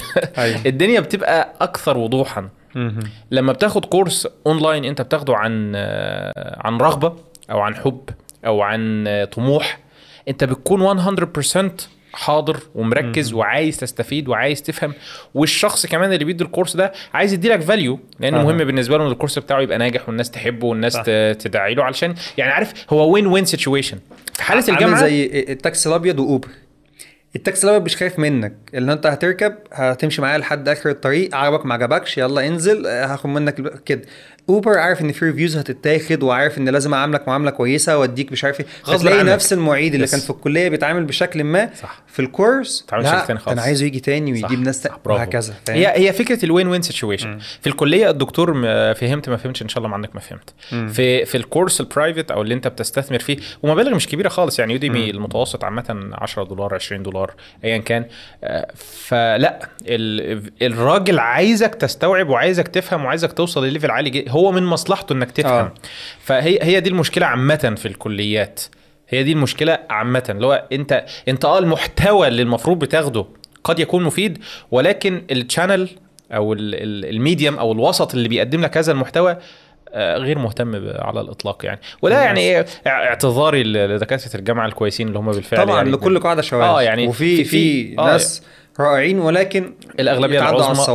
و- وحتى الناس الكويسين عارفين الأغلبية العظمى آه. هو it's not that interesting for him يعني فهمت ما فهمتش إن شاء الله عنك ما فهمت أنت فاهمني يعني هو أساسا مش عارف هو إيه الغاية من الموضوع هو بالنسبة له آه، المرتب مش كافي أصلا فهو not آه. do عارف إن أنا أستث- الحتة اللي اتكلمنا عنها في, في, في أوروبا من مميزاتها آه. الاهتمام بالبني آدم والاهتمام بال كده فبيوصلك لمرحلة إنك بقيت أنا عايز أشتغل لأن أنا توفر لي كل الظروف المناسبة فأنا بالتالي هطلع أفضل آه، منتج أو أفضل شكل من الإنتاج. قصتك غريبة شوية إن أنت أصلا مش أنت اللي رحت. آه. يعني أنت, أنت آه. لقيت نفسك هناك واتعاملت وبعد شوية اكتشفت لا ده الموضوع حلو. على فكرة يعني كال نيوبورت في في كتابه سو جود كانوت اجنور بقوله كتير لأنه فعلا بي بي target أو بيستهدف ال concept بتاع الشغف أو ال passion من زاوية مختلفة تماما. من زاوية مختلفة تماما هي هي مش هي ال starting point ولكن هي ال end goal أها. يعني أيوة. انت انت بالفعل ممكن تكون حبيت شغلة البرمجة لأنها بتتيح لك حاجات كتير أو تشتغل من مكان ما أنت عايز تتعامل مع ناس آه، على مستوى عالي من الفهم والمنطق وال logic والحاجات ديت. سبحان ناس بي- الله يعني أنا كمان كان عندي مؤهلات أصلا بتاعة البرمجة. يعني عايز أقول لك إحنا الحمد لله آه، والدي كان من, من جايب لنا مدخلها ال- الكمبيوتر من زمان قوي من أيام الدوس من أيام ما كان شاشة screen سودا كده وبتقعد تكتب أوامر وبتاع وأنا كنت أحب دايما أمسك الكمبيوتر أقعد أفكك وأجرب فيه ياما بوظت hard ديسكات وحاجات عشان عايز أشوف هي دي بيداس عليها كده ولا لأ وتبوظ ونجيب تاني وأتعلم وأعمل وكنت دايما أقعد إيه أسطب ويندوز للناس اللي حوالينا واللي هو الشخص ال- ال nerd اللي هو يقعد يحب الكمبيوتر قوي وكنت دايما إيه بقضي عليه أوقات كتيرة وبتاع ومش عارف إيه. ف فتقدر تقول كان المؤهلات موجودة بس أنا كنت جاهل بوجود شيء اسمه برمجة وإن هو في كذا فهو برضو تاني. أنا قلتها في أول الفيديو وفي نص الفيديو بقولها تاني. توفيق بتاع ربنا سبحانه وتعالى 100 خط تحتيه.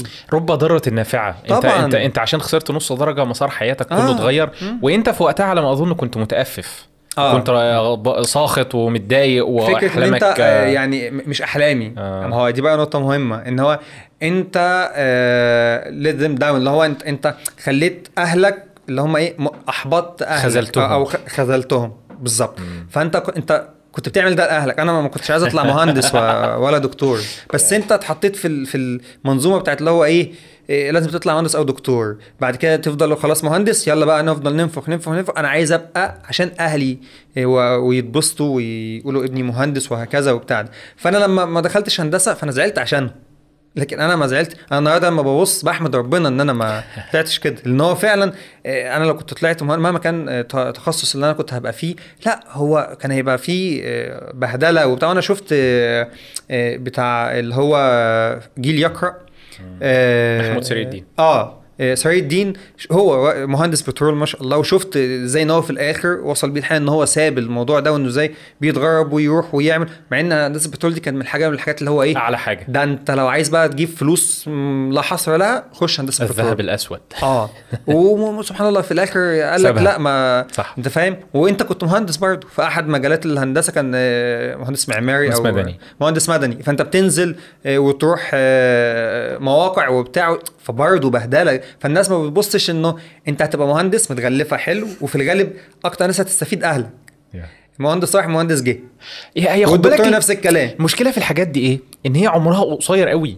آه. اللي هو أنت أصلا بعد شوية هتعتاد. أنت ممكن في أول 3 4 أيام فخور جدا إنك ماسك البلط ورايح بالكلية زي ما أنا كنت فخور كده وأنا ماسك المسطره التي وأنا رايح الكلية.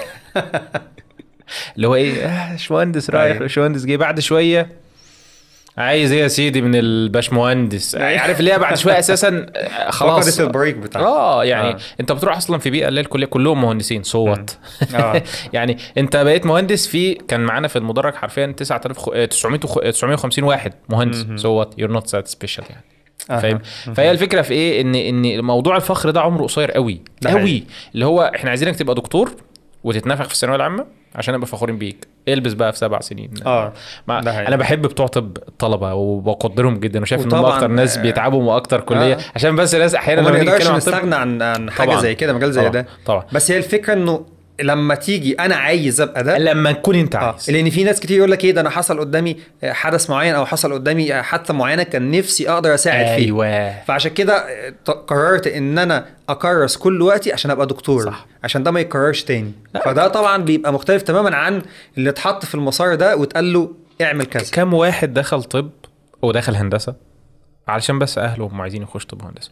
وفي وسط الطريق وفي ناس في. حاسبات كده. أنا كنت بشوف ناس في حاسبات بعد تاني سنة بي بي switch ال career يقول لك لا يا عم أنا إيه وجع القلب ده وأنا ماليش في القصة دي. وتلاقيه راح آه، في أي كلية تانية. فالموضوع ماشي في كل حتة. موضوع مش شقلط عندنا يعني. مش مش شقلب بس آه، مش شقلط. فاللي إحنا عايزين نقوله إن آه، إن الشخص يكون self-educated ده دلوقتي من أهم وأفضل الحاجات اللي أنت ممكن تعملها. إن طبعاً. انت تعلم نفسك بنفسك. مش طبعاً. بنفسك طبعا إنك تقعد لا في في كورسات في حاجات. أنت يكون عندك آه، الالتزام أو الديسيبلين إن أنت تقعد وتتعلم. أنت يكون عندك مقدار يومي من التعلم. صح. كده أنت هتنمو وتكبر. لكن فكرة إن أنت معتمد إن أنا شغال وخلاص زي ما قلت لك البداية عندنا بيشتغلوا بمبدأ الفرخة اللي ما بتبيضش بت إيه آه. بتتذبح. فأنت كمان شوية هتبقى outdated اللي هو إحنا دلوقتي في نظام رأس مالي بحت. المادية تطغي عليه آه. لو مش هتقدم. اوراق اعتمادك وإن أنت تقدر عندك أكتر من skill مش مجرد آه، يعني مهارة واحدة لو ما عندكش ما يكفي من المهارات خلاص هيتداس عليك أنت قلت إن أنت اتعلمت البرمجة مع نفسك قعدت 3 شهور 6 شهور مش عارف إيه آه. اتعلمت منين النت مين؟ اليوتيوب دخلت يوتيوب. على اليوتيوب بقيت ب... يعني نوعا ما كان آه، الإنجليزي بتاعي نوعا ما كان كويس ف... فده نفعني جدا ان أنا كنت بخش اقعد اتفرج على كورسات كتير جدا اقعد أشوف ال- الناس دي بتقول إيه بتعمل إيه الكلام ده كله. فده نفعني جدا في في الموضوع. واعتقد النهارده اللي أنا كنت فرحان بيه من من حوالي 8 سنين فاتوا النهارده اضعاف مضاعفة. كمية بقى المحتوى مش بس الأجنبي كمية المحتوى العربي اللي مبذول فيه مجهود. فأنا بغبط أو يعني بحسد الناس اللي موجودة دلوقتي على ما شاء الله كمية التطور اللي حصل. انت مفيش حاجة عايز تتعلمها إلا وهتلاقيها صح. عايز تتعلم front end عايز تتعلم back end عايز تتعلم بايثون عايز تتعلم C plus plus عايز هتلاقي ناس محترمين جدا في المحتوى العربي باذلين مجهود ضخم جدا وبيقول لك اتفضل أنا طبق من ده ومش عايز منك حاجة يا عم أنت فاهمني؟ يعني آه، أنا قد يكون آه، يعني لأي حد عايز يتعلم المشكلة مش في قلة ولا ندرة ولا لا ده انت عندك المشكلة قد تكون في كثرة المحتوى. اللي هي. مشكلة فيري ويلكم يعني نرحب بيها جدا أيوة. يعني. آه، شوف يا عم انت مستريح لمين وتحب تتعلم من مين وتعلم منه. المهم تتعلم. آه والمهم تاخد مسار وتكمله للآخر يعني. آه. في مشكلة برضو ناس كتير بتعرف إن هو بيقعد ياخد من كل فيلم أغنية. اللي هو ماشي هنا شوية بيشتت نفسه. آه. جدا جدا. آه خد بص عام على الحاجات كلها ولكن حاول يعني يعني ما تبقاش jack of all trades master of none اللي هو انت عارف كل حاجة بس ما انتش حلو في حاجة. للأسف كتير بيقع في الفخ ده. امم ده حقيقي. كتير بي بيقول لك إيه من بداية كده بسم الله الرحمن الرحيم عايز أبقى full stack فهو مج هو للأسف لما تيجي برضه تسمع ال ال ال explanation بتاعه أو تسمع هو ليه بي بي بيعمل كده يقول لك عشان خاطر السوق بيجبرني على ده. وأنا فعلا للأسف آه، مشفق عليه بسبب إن فعلا السوق بيزقه الحتة دي. بس بتلاقيه في الآخر هو بيحاول يعرف حاجة عن كل حاجة. مجال ال front end في حد ذاته ضخم. مجال ال back end في حد ذاته ضخم. فأنت النهارده بتحاول تدمج الاثنين دول مع بعض وتبدأ بيهم. أنت لما تيجي تبص لل full stack عموما الناس التقيلة ال full stack تلاقيه هو واحد كان front end لفترة من الوقت.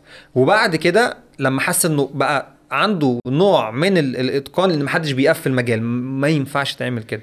فلما وصلت لمرحلة من الإتقان في في, في شغلك تقول آه طب أنا هكمل في ال back end والعكس صحيح. فدايما بره هم مؤمنين إنه إيه ال full stack اللي قدامي ده هو القوة بتاعته في حتة؟ هو قوي ك front end ولا قوي ك back end فدي نقطة valid وأنا م- متفهمها مفيش حاجة اسمها full stack جامد في كل حاجة. أنت فاهم؟ فهي الفكرة في كده. المشكلة بقى إن الناس بدل ما تمشي في ال path ده بيقول لك لا أنا هبدأ full stack فيعرف شوية عن ال front end شوية عن ال back end فيطلع في الآخر إيه؟ صنايعي. اللي هو إيه؟ دي بايظة أظبطها لك حتة من كده على حتة من كده. لكن هو ما عندوش الوقت الكافي إنه يع... إنه إنه يخش في ال science ويشوف الدنيا دي عاملة إزاي من جوه وبتاع. لأن زي ما قلت لك كل مجال من دول ضخم في حد ذاته. انت فاهم؟ مش زي زمان كان السطرين كود بيتكتبوا هنا على شوية WordPress يعملوا لك كل اللي انت عايزه. لا النهارده ال back end جزء من شغله في أغلب الشركات. انت تعرف حاجات في ال DevOps وال cloud ولازم تعمل كذا وبتاع مش بس back end في ال front end نفس الكلام بتقعد تعمل حاجات server side وتقعد تعمل frameworks لازم تبقى عارف React كويس جدا وممكن شوية Vue على شوية مش عارف server side كده. فعشان كده دايما بقول للناس إيه أنا عارف إن السوق بيضغط في الحتة دي قوي بس حتى لو اضطريت إنك تبدأ ك full stack وتعرف آه، شوية من هنا على شوية من هنا حاول بعد كده تختار واحد منهم وتبقى professional فيه. عشان لو أنت عايز تشتغل بره قدام إن شاء الله هو ده طريقك. بره مش هيقبلوك بإن أنت تبقى صنايعي. آه، هتتكشف على طول وبسهولة. فاهمني؟ طيب آه، في سؤال يعني برضو عم- عمال يجي في دماغي اللي هو إيه؟ بناء على اللي أنت قلته عن ألمانيا عن المميزات أو المساوئ اللي قابلتك هناك وعن المميزات اللي بتشوبها برضو بعد المساوئ. لو في واحد جه وقال لك آه، يا باشمهندس محمد أنا بفكر آه، أسافر ألمانيا. آه، فرصة كويسة جدا و... وعائد ممتاز وحياة كريمة والكلام ده كله. هتقول له إيه؟ أول حاجة بقولها له آه، اولا ما انصحكش بالخطوة دي. ده رقم واحد. لكن لا أنا عارف إنك م- هتاخد كلامي وهتركنه أنت اللي في دماغك في دماغك. وصلت لمرحلة أنا هسافر. أنت اوريدي واخد. فساعتها آه هقول لك ما تسافرش ولكن لو احتجت أو خلاص أنت ناوي تسافر برضه هقول لك شوية نصايح تحاول تلتزم بيها. حاول بداية تبقى عارف التحديات اللي أنت داخل عليها داخل على تحديات كبيرة جدا. فلازم رقم واحد لازم تبقى مستعد إنك تربي. ما تتقمصش شخصية الرجل المصري الأصيل اللي بيقول أنا دوري إن أنا آه، أجيب مصاريف وخلاص. أنا دوري مكنه فلوس أجيب لكم وأدخلكم وأعمل لكم ماليش فيه. لا ما ينفعش. أنت مجبر إنك تبتدي تقرأ في كتب تربية مجبر إنك تبتدي تشوف أولادك وتخصص لهم وقت وتقعد معاهم يبقى عندك ساعة صدر. ولأنه لو أنت ما عملتش كده هيلاقوا ساعة صدر في حتة تانية. هيلاقوا ناس تانية تسد الخانة دي. وساعتها مش هيبقى ليك عذر آه، قدام ربنا. بقول له إنه أول ما تروح هناك حاول دايما تشوف ناس على نفس شاكلتك ناس آه، كويسين وناس يبقوا اللي هو زي ما نقول إيه بيئة صالحة أو صحبة صالحة. حاول تشوف عائلات بنفس ال- ال- العقلية أو نفس ال- ال- الاتجاه بتاعك وتحاول تعملوا سيركلز كده. وده بيحصل على فكرة مع, مع كل الناس. أنا ما بقولش حاجة غريبة. بتروح تلاقي مثلا آه، ال- الإنجليز لما بيروحوا مثلا في في ألمانيا هتلاقيهم قريبين من بعض. تلاقي دايما آه، حتى الصينيين يقول لك في في أمريكا الحي الصيني. الحي مش عارف إيه. يعملوا تكتل. بالظبط. فهو عشان إحنا already بنتشارك مع بعض في حاجات كتير. فحاول تشوف عائلات زي كده عشان الأولاد يتوفر ليهم. وأنا أعرف ناس في هولندا ما شاء الله عاملين الموضوع ده. تواصلت معاهم وقالوا لي آه ده إحنا عندنا في ال في ال ال block اللي إحنا قاعدين فيه أو ال neighborhood اللي إحنا فيه آه، أربع ثلاث أربع عائلات قاعدين مع بعض قريبين من بعض بننزل وبنروح وبنيجي وبنعمل. وهكذا. أكيد هيبقى في اختلاط طبعا مع ال- الناس التانية ومفيش أي مشكلة. ولكن أنت حاول دايما خلي تأثيرك أكبر. آه هيروح يختلط ويخرج بره البابل اللي أنت هتعملها. ولكن لما يجي لك ويقول لك بابا أنا سمعت كذا أو أنا شفت كذا خليك أنت كمان بتوريه حاجات تانية. تبقى أنت دايما إيه بت بتفايت باك تمام؟ إيه، برضو حاول تهتم بحتة ال... تبقى أنت عارف إنه آه، في آه، آه، تحدي في حتة ال- الدين والهوية. حاول تشتغل من بدري في حتة إنه تشوف مثلا مراكز أو تشوف حتت ممكن تودي فيها أولادك يتعلموا أكتر آه، عن دينهم وعن هويتهم وتاريخهم والكلام ده كله. في ناس للأسف بشوفهم يعني من من من أول ما بيبتدوا بسم الله الرحمن الرحيم آه، سقط العربي. أنت ليه تتكلم عربي؟ يبدا يعلم الولد إنجليزي وجوه البيت كل كلامنا إنجليزي أو ألماني على حسب ال... وفي ناس بتعمله حتى جوه ال- الوطن العربي مش لازم يبقوا موجودين هناك. ف... فده أصلا انبطاح بداية كده اللي هو أصلا آه، مسلم أمر. ما هو ما عندوش الكلام اللي إحنا بنتكلم فيه وفكرة ال... الهوية والكذا وكذا. فكل دي نقط هتعينك على إنك تقدر يبقى عندك فرصة جيدة في في القتال أو في في في التحدي اللي أنت آه، بلاش القتال في, في التحدي اللي أنت آه، داخل فيه. تمام؟ وهتعلي من فرصك نوعا ما. بس بكملها في الآخر بقى عشان نكمل ال- ال- النقط. اشتغل على نفسك كويس جدا عشان توصل للمرحلة اللي تأهلك إنك تقول خلاص أنا أقدر أخرج دلوقتي. وتخرج ترجع سواء بلدك أو تخرج تروح على أي بلد مسلم وأنت في position حلو. ما تجيش تقول أنا هعمل الحاجات دي وخلاص أقدر بقى أكمل هناك. لا ما ينفعش. لأنه لو الجيل الأول عدى الجيل التاني نسبة نجاحه أقل الجيل الثالث نسبة نجاحه أقل الأقل خلاص هو ألماني بحت يعني آه. الجيل الثالث ده ألماني بحت. وزي ما قلت لك ال ال الأمثلة كتير ومش محتاجين نقعد نكررها كل شوية. طب يعني لو ده لو واحد آه، ناوي إن هو ياخد عيلته طب ماذا لو إن هو شاب أصلا بطوله؟ يعني هل هذا الكلام برضه يصيبه لا، ولا ده, ده ما ولا الكارثة أكبر؟ آه لا ده آه. أنت لأنه آه، ناس كتير كانت بتتكلم في الموضوع ده يقول لك إيه عشان تخرج تخرج وانت متجوز. أو لو انت خاطب فممكن نقول لك ماشي. يعني فيها كلام بس يفضل تخرج لأن انت لو انت بطولك هتلاقي نفسك حاجات كتير هتزهزه في- عينك. انت متخيل انت مرة واحدة واحد كان محطوط عليه قيود كتير ومرة واحدة خرجته بره المجتمع بيقول له مان انت بقول لك يا معلم انت كل القيود دي مش موجودة. في ال free إنك بص اعمل كل اللي انت عايزه. فمرة واحدة هو أنا لو شربت محدش هيقول لي حاجة. آه. لو جيت عملت ال- ال- ال- المشكلة الفلانية أو الحاجة الفلانية الناس اللي في الشارع مش هتقول لي الحق ده إيه ده؟ ده أنا peace عادي كده. وتمشي في الشارع تلاقي في تجاوزات الدنيا حلوة. فخطورة ووقع الفتن على الشخص الفرد هناك أكبر بكتير. وأعتقد منتشر جدا عندنا في مجتمعنا فكرة إنه ناس كتير لما بتخرج بره ومش لازم يروحوا أوروبا. بيروحوا الخليج في, في دبي لأن دبي فيها ال ال ال يعني ال lifestyle بتاع أوروبا. فالناس لما بتروح دبي بتلاقي مرة واحدة إيه خلع التوب بتاعه وتلاقيه شخص ثاني خالص. وعايش حياته والدنيا peace وبيعمل كل حاجة غلط. اللي هو طب في إيه؟ أنت فهو المجتمع فعلا كان مأثر عليه. يعني البلد اللي محدش يعرفك فيها بقى. آه بالظبط. فدي نقطة برضه برضه على الناس فيها في حتة إن هو عمال يقول لك مجتمعاتنا سيئة وكذا وكذا. المجتمع السيء ده برغم إن هو سيء آه. بس كان محجم ناس كتير صح. إن هي مش قادرة ت- ت- توصل لل هو إيه كده لل كده للماكسيمم بتاعها أو لأسوأ آه، ما فيها. لكن لما تعرضوا حتى سبحان الله زي كمثال على كده يقول لك إيه في ناس سبحان الله الغنى يعتبر آه، حاجة أذى ليهم. لو ربنا فتحها عليهم بزيادة ممكن ده يبقى أذى ليهم. فربنا يحجم عنهم الغنى والعكس صحيح في ناس الفقر أذى ليهم فتلاقي ربنا يفتح لناس ويغنيها عشان ال- الفقر هي, هي فهي كده.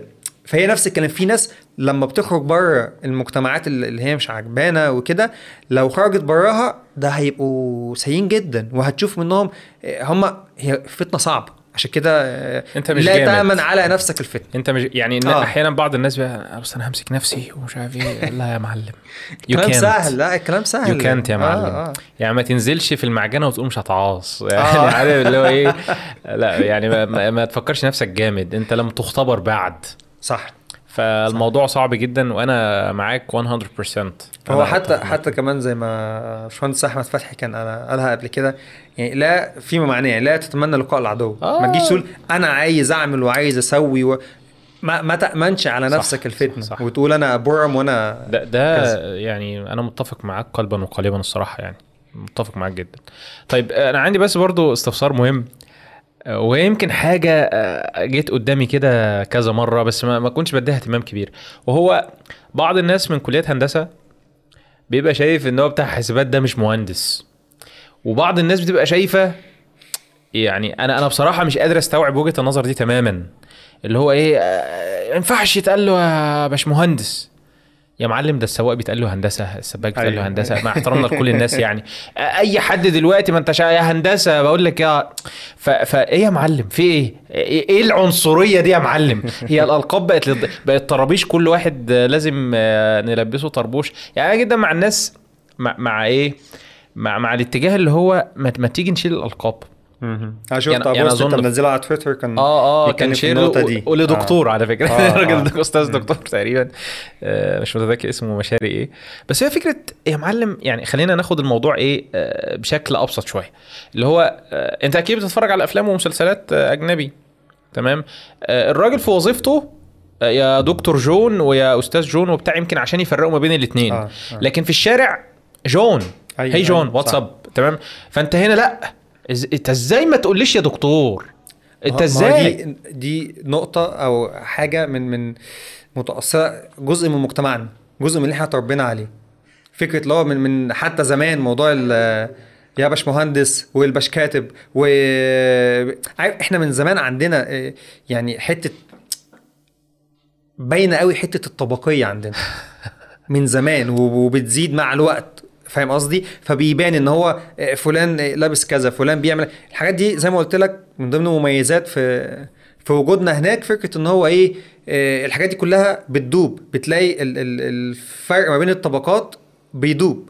هنا لا هنا ده, لسه موجود عندنا لحد النهارده إنه حتى في في الخليج فكرة إن هو إيه أحيانا ال salary بتاعك بيتحدد بناء عن أنت جنسيتك إيه أنت جاي منين. فبيتحدد ال- ال salary بتاعك وطريقة المعاملة بتاعتك والكلام ده. فاللي انت بتتكلم عليه هو جزء في جزء منه حتة اللي هو آه، لأ وانت مش انت جاي من الحتة الفلانية ما ينفعش تبقى آه، مش عارف إيه وال- والقصص دي كلها. وجزء تاني انه ناس بتبقى باصة انه أنا تعبت وبهدلت في الكلية وطلع عيني وبتاع قعدت أربع أو خمس سنين في الكلية وبتاع. ما ينفعش تيجي انت ببساطة تخش تاخد لك كورس أو اتنين وتقول أنا خلاص أنا بقيت مهندس زي زيك. ففي ناس بتفكر من الناحية دي. فتقدر تتفهم هو هو ليه بيقول ال- الكلام ده. انت فاهم قصدي؟ آه، بس خ... وناس بتبص لها من ناحية إن هو اشمعنى مجالنا؟ إحنا عايزين نبقى زي بتوع هندسة وبتوع طب وغيرهم وغيرهم يبقى لينا نقابة ومقفولين على نفسنا. مش عايزين آه، ناس دخلاء آه، دخلاء ي- يخش علينا. ده بيصعب علينا لأنه آه، هرد بعدين. أنا مش أنا مش بقف في صفهم. ده أنا بقول هم بيقولوا إيه وهرد بعد كده. ناس تقول لك لما الناس بتخش زي كده هو ده بيصعب عليك فعلا. انت تخيل انت بقى انت أنتوا لو, أنتوا مهندسين خريجين دفعة كل سنة بيتخرج مثلا 2000 أو 3000 طالب فانت هتضمن انه إيه؟ العرض والطلب مناسبين وان في 3 4 5 شركات مستنيينك وكده. ال 3 4000 طالب دول بقوا 30000 ثلاثة بيتخرجوا من الكلية والباقيين ال 27 الباقيين آه، جايين من واحد درس آه، اونلاين واحد من يوديمي واحد من كذا ومن كذا.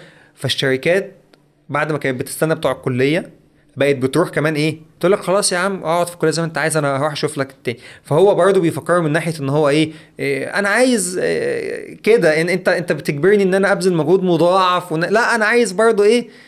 كده. فاهم قصدي؟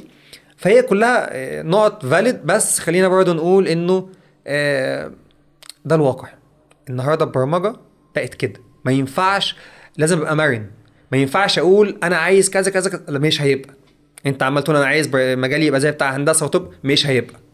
خلاص؟ دي فاكت لازم تتعامل معاها. مجال البرمجة مختلف عن أي مجال تاني لأنه المجال الوحيد ال- ال- اللي هو تقدر ت self study فيه. المجال الوحيد اللي, التقدم فيه بيأثر على كل المجالات.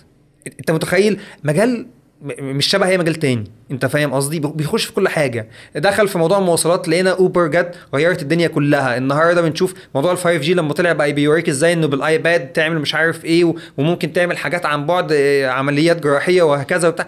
فأنت ما ينفعش تقول أنا عايز مجال البرمجة يبقى زي الطب أو الهندسة أو بتاع. لا خليك راجل flexible خليك مرن وتبتدي تشوف الواقع إيه؟ الواقع إنه خلاص مجال البرمجة مفتوح على مصراعيه. مجال البرمجة أي حد ممكن يخش وينط ويقول لك أنا هبقى مهندس زي زيك. وريني بقى راجل خد مني اللقب. هو اللقب بفلوس أنا يا عم مهندس. أنت فاهم قصدي؟ آه، كتير بشوف ناس بيطلع على ال- اليوتيوب.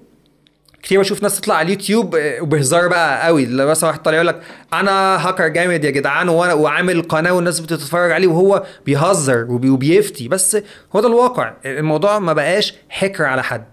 النهارده بقى أنا أعمل إيه؟ أشوف ال- الوقائع دي وابتدي اتصرف بناء عليها. وهي دي المرونة إن أنا خلاص الوضع كذا كذا كذا خلاص أنا هبذل مجهود مضاعف هتعب جامد هاخد في الحسبان إن أنا مميز عن الباقيين إن أنا معايا شهادة ودي اوريدي بتديني آه، دفعة. للأمام. وبرده الناس اللي معاها الشهادة ده مش مانع. أنت تقدر برده عشان برده نوازن ما بين الاثنين في الآخر المجال ده اللي عايز يخشه لازم يبقى عارف إن هو ده ماراثون ماراثون كل الناس. ماراثون مفتوح أي حد يقدر يلبس ال- الطقم بتاع الرياضة ويبدأ السباق. مجرد ما بدأ السباق اللي نفسه أطول واللي عنده آه، طاقة هو اللي هيبان. أكبر هو اللي هيوصل. وهيفضل يحقق في إنجازات. انت فاهم قصدي؟ اللي نفسه قصير وما عندوش طاقة يكمل ويعمل وكثير الشكوى أكتر من إن هو يركز في تطوير نفسه وإن هو يستوعب. ما عنديش مشكلة إن أنا أشوف مشكلة حصلت أشتكي منها في وقتها وأتصرف بسرعة. لكن لو أنا قاعد بس عمال أشتكي أشتكي أشتكي في ناس تانية عمالة تشتغل تشتغل تشتغل. فهيوصلوا أسرع منك ويحققوا إنجازات أكبر. وفي أمثلة كتير عن ناس ما شاء الله مصريين خرجوا وهم معهمش شهادة كمبيوتر ساينس سواء صح. تجارة أو حقوق أو آداب أو كذا. ومحققين نجاحات كبيرة وشغالين في شركات آه، ضخمة جدا. يعني أنا فاكر واحد من الناس المحترمة اللي أنا بتابعها على تويتر أنا مش فاكر اسمه إيه بس هو آه، شغال في شركة في هولندا. وهو ما شاء الله team lead أو حاجة زي كده. فكان بيتكلم في تويتر بيقول أنا يا جماعة حاسس إحساس غريب كده وأنا آه، مش خريج أصلا computer science وفي ال team بتاعي في واحد خريج جامعة ستانفورد وواخد مش عارف إيه وعامل إيه وبتاع وهو تحتيه. وأنا بمشيه وبقول له يعمل إيه وما يعملش إيه. عظيم عظيم جدا. أنت فاهم؟ بس هو راجل مجتهد جدا واشتغل على نفسه لحد ما وصل. فهو يستحق اللي هو فيه ده. إحنا هنا لسه؟ بنتخانق مين مهندس ومين مش آه. مهندس. ممتاز. أنا بس مش هعرف أخلص ال- الكلام أو اللقاء ده من غير آه، ما نتكلم آه، عن you know who and who is who ال Apple Apple؟ يعني كل مرة بقابل أبو سريع. لا لا لازم يا نتطرق بال Apple ecosystem و how awesome is Apple. وإن أنا لازم أحول ل Apple وبصراحة خلاص يعني أنا ان شاء الله. خلاص. إن شاء الله. آه. يعني يعني هو وكيمياء أحمد آه، جودة يعني الاثنين بصراحة إيه عاملين الواجب وزيادة في فكرة إن هو بيبيع لي ال Apple ecosystem ككل. آه بصراحة يعني بعد ما استخدمت ال iPad برضو بدأت أستوعب الناس دي ليه بتقول الكلام ده. ف أنت لما حد بيقول لك أنت Apple fanboy but how do you react يعني ب- مش بحاول أغير فكرته خلاص ماشي. تمام. لأنه في الآخر أنا بالنسبة لي Apple بتقدم لي مميزات كتير جدا مخلياني آه، عارف لو إيه لما تبقى شغال في شركة حلوة جدا وعمالة تقدم لك مميزات وتعمل لك كذا وكذا وكذا أنت بقيت مبسوط بيها. أي حد يحاول يغلط في شركتك تقول له لا معلش شركة محترمة وأنا مش عايز أسيبها. فنفس الكلام آه، أنا لما قعدت فترة طويلة شغال ب Windows وشغال ب Android وكنت من الناس بقى اللي هو إيه لما بخش في حتة في الت- في ال technology بدوس أنا nerd شوية في الحتة دي. زي ما بيقولوا اللي هو tech savvy اللي هو بحب في ال technology أقعد إيه أتنطط. فكنت بجيب ال- ال Android وأقعد أجرب وأنزل kernels وأعمل وأفتكر أول Android شلته. كنت في الكلية وكنت ساعتها ما بشتغلش ومركز في دراستي وبتاع بس لما لقيت ال Android نزل كان ساعتها نازل بقى أول device حقيقي ينزل لك يقدم لك تجربة Android محترمة كان Samsung Galaxy S 1 ال S series تمام؟ كان ساعتها أول حاجة ناضجة تقدر تقول آه ممكن نعمل ساعتها رحت اشتغلت في في فندق آه، أمن لمدة شهر تمام؟ فقط عشان أجيب فلوس الموبايل وبعد كده سبتهم. آه. اللي هو أنا رحت يا جماعة أنا بس جاي لمهمه محددة قعدت استحملت واتمرمطت وبتاع كده وفي الآخر إيه جبت فلوس الموبايل سبتهم ومشيت ورحت جبت الموبايل. عشان أجرب وأشوف الناس دي بتقول إيه وبتعمل إيه والكلام ده كله. آه، فأنا بحب جدا الموضوع ده. آه، فقعدت فترة طويلة مع الأندرويد وكان مقدم لي حاجات جميلة جدا كشاب وكنت ضد جدا موضوع الآيفون لما حد يكلمني أقعد أهاجم أقول له نفسي افهم ليه الناس بتحب ايفون إيه إيه، موضوع مقيد. هو انت من اول ما بتخش عنده يقول لك لا لازم تعمل كذا بالطريقة اللي أنا بقول لك عليها وبيفكر لي وبيعمل لي وبيسوي لي. فبعد تجارب كتير ومع الوقت لما بدأت أنضج شوية وكمان بدأت متطلباتي تتغير بعد ما كنت الشاب اللي بيحب يجرب 100 حاجة. بقى, بقى عندي آه، حاجات كتير في حياتي شغلي وعيلتي وكذا وكذا ولقيت نفسي ما بقتش بعمل الحاجات دي زي الأول.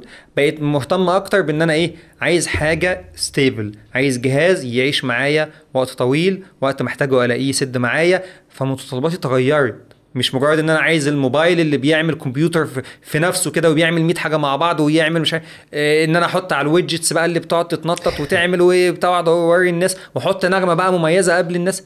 أنا بقالي بتاع ثلاث سنين لحد دلوقتي ماشي موبايلي silent طول الوقت. ما بقيتش أفتح أصلا صوت ولا أحط نغمات ولا الكلام ده كله. ال notifications لما بتتبعت أفتح أشوف مين آه، احتكاكي بالموبايل قل كتير. فده اللي خلاني بدأت بقى إيه أتضايق شوية من Android إن هو لقيت إنه في الغالب العمر الافتراضي بتاع أي موبايل Android سنتين. ده لو أنت جايب اللي هو الحاجة ال flagship. آه ال flagship اللي هو سواء سامسونج أو غيره. ولحد وقت قريب كنت بجرب كل الجديد. جربت ال OnePlus 6 أو 6 تي وكنت أقعد أشوف إيه الجديد دي والكاميرا اللي بتطلع تلف تعمل flip والحاجات دي. كلها. فبقول لك تعبت بقى لما لقيت إنه إيه لأ أنا أنا كبرت على الحاجات دي أو الحاجات دي ما بقتش تستهويني زي الأول. عايز أستقر شوية. فزي ما بقول لك موضوع إن سنتين وتلاقي الموبايل وقف موضوع ال software ما بقاش زي الأول وتلاقي الدنيا تتقل شوية وتبطأ آه، في في اللابتوب تلاقي مثلا بعد سنة مش سنتين كمان بعد سنة تلاقي ال battery بدأت تقع تماما هي لو قعدت معاك ساعة من غير ال- الشاحن. زي. أنت already بتستعمله بدأت تستعمله إيه دايما بالفيشة. فين أقرب فيشة؟ صح. مفيش ثقة متبادلة بينك وبين ال lap بتاعك. اللي هو لا هو مش هيشيلني. أنت فاهم قصدي؟ آه، فحاجات بقى من هذا القبيل. آه، موضوع ال support بتاع ال software الشركة أغلب الشركات تقول لك إيه؟ آه، سنتين. آه، سامسونج في يعني الغالب كده يبقى بتعمل زي الفل ده لو سنتين آه. يبقى زي الفل يعني. فده اللي خلاني بقى إيه في, في الشركة آه، انتهزت فرصه إن كان ال- ال- ال test device بتاعنا iPhone فبدأت أتعامل مع ال iPhone آه، بشكل آه، جديد. وفي الشركة عندنا آه، خيروني انت عايز تشتغل Windows ولا Mac فأنا بحب أخد التجربة عايز أشتغل Mac ما كنتش اعرف عنه حاجة.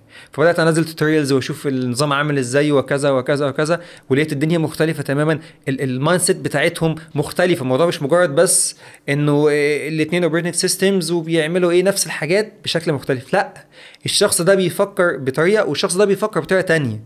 فلقيت نفسي بدأت أندمج أكتر وأرتاح أكتر مع ال MacBook بتاعي وبقيت مبسوط. آه في limitations في الأول ضايقتني جدا بس مع الوقت لما لقيت المميزات اللي جاية بالنسبة لي آه، تستحق.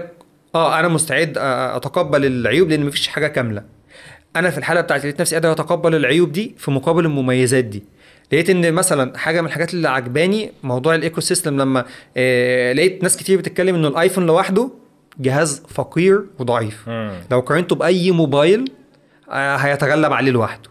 انت فاهم قصدي؟ لكن لما يجيب صحابه بقى الرجالة بتوعه ينده للتقال بتوعه ما تعرفش تـ compete معاه.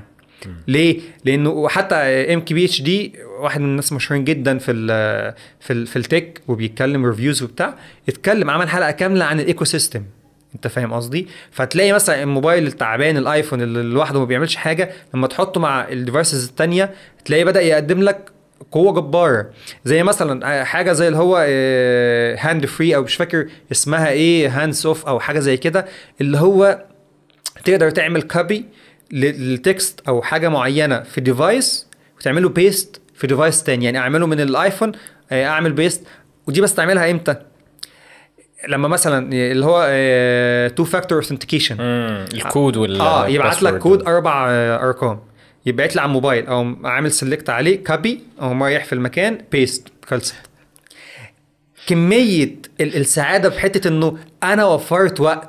أنا ممكن ناس تستتفه الموضوع ده اللي هو تحسني تافه اللي هو تبص الاربع أرقام وكده أنت بتتكلم على الثانية دي بس هتلاقي في الآخر إنه ثانية مع الثانية مع التل... هنا ثانية هنا ثانيتين هنا ثلاثة هنا خمسة في الآخر أنت بقيت موفر اولا وقت وكمان موفر طاقة ذهنية. إنه مثلا حاجة من الحاجات التانية ال Air آه، Drops مثلا.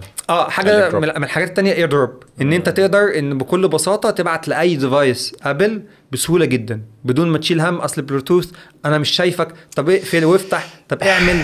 حاجة زي ال اسمه إيه ده؟ آه، برضو أنا مش كويس قوي مع المسميات آه، اللي هو Air TV أو حاجة زي كده. إن أنت حاجة موجودة في Chromecast أنا عارف والكلام ده كله بس هنا برضو تتعمل بشكل seamless جدا شكل سهل وسلس.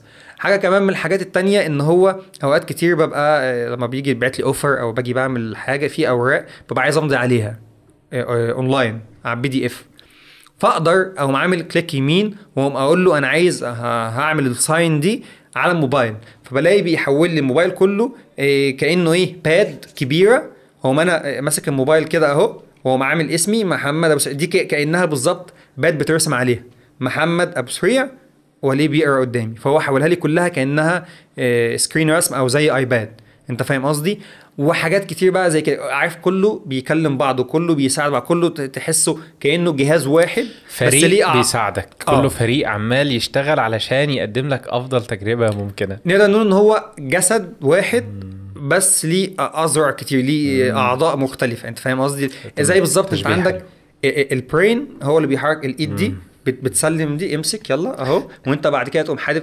هو كله بيخدم الجسد. أنت فاهم قصدي؟ هو بصراحة يعني أنا بدأت آه، أس- يعني طول ما أنا كنت بستخدم الجهاز ال Android بتاعي آه، وال Windows وكده فشايف يا جدعان أجهزة Apple دي overpriced اللي هو ليه أدفع السعر الزيادة ده في حاجة بتقضي آه. نفس الوظيفة؟ ما بدأتش أدرك هذا الموضوع إلا لما بدأت أحتك فعلا مع مهم. مع Apple و أي نعم لقيت شوية احتكاك شوية friction شوية عقبات كده ما كنتش مستوعبها في الأول ولكن لما بدأت أفهم هم ليه عملوا دي كده خاصة إن أنا يمكن بدرس شوية cyber security وعارف إن هم ال privacy وال security بالنسبة لهم أولوية يعني مهم. فبدأت أفهم حد بي- بيقول لك I got your back حتى لو انت ما انتش فاهم في ال security أنا مش هخليك تقع في الحفرة دي بسهولة. أنا هحط لك. عقبات واقفل عليك وكل حاجة. فأحيانا الناس بتبقى شايفة إن التقفيل ده سجن. واقول لك مثال بسيط تاني. هات iPhone 6s Plus أو هات iPhone 7 وهات اللي يوازيه في ال Android ال flagship اللي كان موجود في وقتها. واتفرج الموبايلين دول ممكن يشتغلوا إزاي دلوقتي؟ ال performance بتاع ال Android طبعا هيكون like لا خد خد خد وقعة جامدة آه. جدا. مش عارف يعني بصراحة. وهقول لك حاجة ال iPhone 7 اللي بقول لك عليه ده هتلاقيه لحد النهارده وصل له آخر ال iOS 15 software، تقريبا. آه، آه iOS update. 15 صح فهمتني؟ التاني ما ما, اعتقدش. هو بعد سنة واحدة قال لك خلاص أنا مش معترف يعني. يمكن إيه الناس آه ال Android fans ما فيش حاجة اسمها Android fans بالمناسبة يعني. في, في Apple fans بس.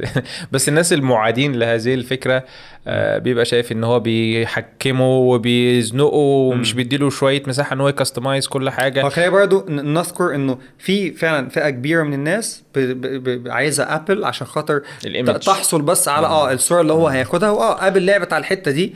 آه، يعني آه، ما ننكرش ده. من نقطة valid من حقهم يعملوا ده إن هم يحطوا نفسهم اللي هو إحنا آه، نمثل آه، إحنا ال- ال- ال brand اللي لو حد شالها أنت هتبقى تتحط في فئة معينة زي ال- العربية البنتلي وغيره وبتاع بس إحنا ما بنتكلمش في النقطة دي إحنا لا، لا. بنتكلم من ناحية إن إحنا. ناس بنهتم بحتة ال productivity من ناحية إنه اللي هو زي ما أنت قلتها من شوية موضوع ال ROI إن أنت ال return of investment إن هو أنا النهارده هحط فلوس في ده قد كده يا ترى هترجع لي تاني ولا لأ فأنت لما أنا النهارده نص- بنصحك بيها عشان أبو زيد طبيعة شغله وطبيعة عمله والكلام ده كله هيستفيد جدا بالخدمات اللي هتتقدم له وال ال- ال- السلاسة اللي هتحصل هتساعدك إنك تركز في الكونتنت بتاعك أكتر.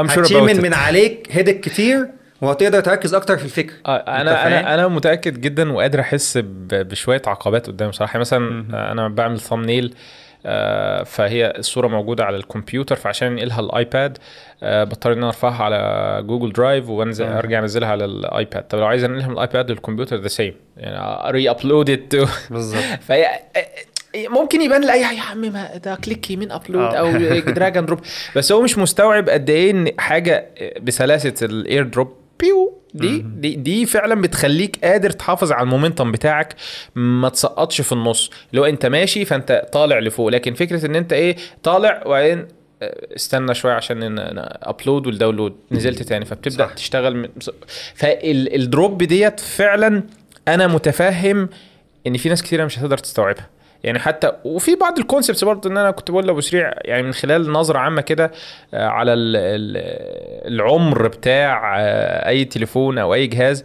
إن استثمارك في جهاز Apple هو ك return investment أو ك long term investment استثمار طويل الأمد هو أفضل وأرخص.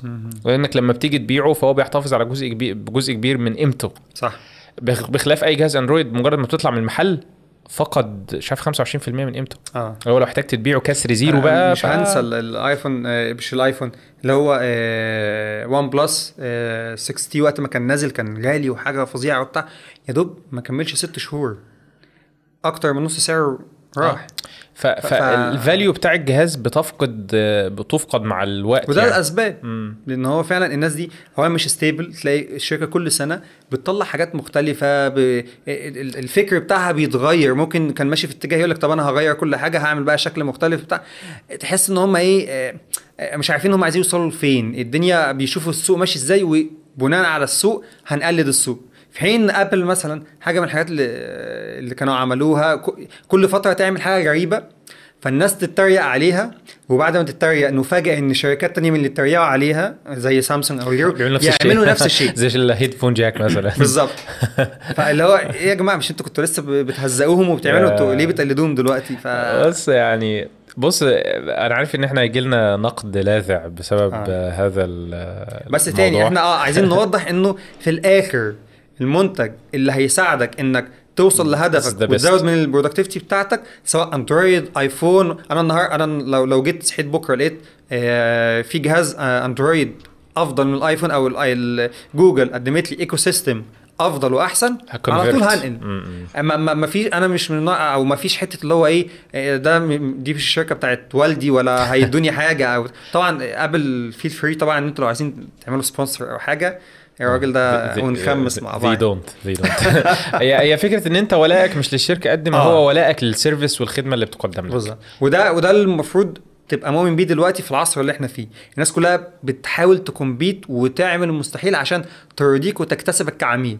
فأنا النهارده اللي هيقدم لي خدمة أفضل هقول له خلاص يلا بينا فحاليا أنا اللي بيقدم لي الخدمة الأفضل ومريحني آه، يا. Apple. Apple. فخلاص عايز أقول لك آه، يعني آه، إضافة برضو أو آه، ختاما لهذه النقطة شفت تويتة غريبة جدا أو مفاجأة بالنسبة لي كان واحد بيقول لو شفت شخصية في فيلم بيستخدم iPhone فأعرف إن this is the good guy لأن Apple لن تسمح لمنتجي الفيلم إن هم ال bad guy يبقى معاه التليفون ال Apple لأن ده جداً. بيأثر على ال image بتاعتهم صح. ممكن يشتكوهم ويبهدلوهم ويودوهم في 60 هم داهيه فعلا بيهتموا جدا آه بال image دي آه. فبيقول لك لو أنت في فيلم فيه twist فمن أحد الحاجات اللي تعرف مين ال good guy وال bad guy الشخص الخير صح. والشخص هو إن الشخص الخير دايما هو اللي بيستخدم ال iPhone أي حد تاني تلاقيه بيستخدم ماركه ف- فيعني ده ده قد إيه الشركة بتبقى خايفة آه. على مض... يعني مش عايزة تشوه الصورة بتاع الشخص بيستخدم أجهزة آه، Apple وكمان يعني القضية الأخيرة اللي هو كان في شخص تسبب في كان شخص مجرم آه، قبضوا آه، تقريبا آه، مسكوا تليفونه فتليفونه مقفول فعايزين يفتحوه. فال FBI راحت ل Apple عشان يفتح لهم ال- آه. قال لهم لأ. يا ده مجرم ماليش دعوة. أيوة. أنا مش هديك الأسرار دي بال privacy بتاع العملاء بتاعتنا. فده يقول لك يعني قد إيه الشركة سهمها عالي قوي في آه. حاجات بس تعالى خلينا برضه في حتة privacy عشان برضه الناس ما تخش في- خلينا نقول في الآخر بعيد عن جزء آه هو تعتبر من أفضل ال- الشركات اللي بتهتم بالحتة دي. بس still آه أنت ال data بتاعتك ما فيش حاجة اسمها آه 100% آه أنت protected أو محمي. وفي الآخر إيه في بطريقة أو بأخرى ممكن بياناتك تتسرب آه، سواء بي- بيظبطوا مع الحكومة أو غيره أو بتاع. بس إحنا بنتكلم من من ناحية إن أنا كشخص بسيط بفكر بشكل بسيط ببص لل device بشكل بسيط آه، بعيدا عن النقط النقط دي. وحاجة من من حاجات ال privacy الحلوة إن هو آه، كان من فترة كده عايز أعمل live sharing لل location بتاعي. فدخلت اديت full access لل Google Maps لأن ده عشان تعمل live sharing طول الوقت فلازم تديني always ا track ليك أعمل لك tracking بعدها بيوم أو بيومين أنا نسيت خالص إن أنا آه، سايبه مفتوح وكده. ففوجئت إن Apple بعتت لي pop up كده أو message بتقول لي على فكرة آه، Google Maps عملت لك عملت track لل location بتاعك. ألف وكذا مرة. جابت لي رقم يا الله. في خلال اليومين اللي فاتوا. فبعيدا عن إنه ان ان, إن هي جابت لي عدد كبير بس هي عجبني جدا فكرة إن هو إيه ده؟ ده أنا كنت نسيت. عايز يعرفك. إيه ده؟ أنتوا بتعرفوني إن هو Apple عملت لي Google Maps عملت لي track كل الوقت ده. فساعتها دخلت وقفلت ال- ال live tracking أو قفلت إن هو always tracking وخليتها while using يعني وقت ما أفتح ال app ساعتها تقدر تعمل لي track لكن لو أنا قافل ال app خلاص نفس الكلام حصل مع فيسبوك مؤخرا عشان ال targeted آه. ads وفيسبوك الكوكيز والحاجات اللي آه. بيحطوها عشان يدوك ads آه على مقاسك خلوا كمان إن أنت يظهر لك بوب كده هل عايز تسمح لل app ده إن هو. إن هو ي track you ولا لا؟ فأنت تقول له لا أنا مش عارف. ما فيش أي حاجة ثانية بتعمل كده بصراحة آه، يعني لا. ف- فهم بصراحة بيقدموا الايه service كويسة.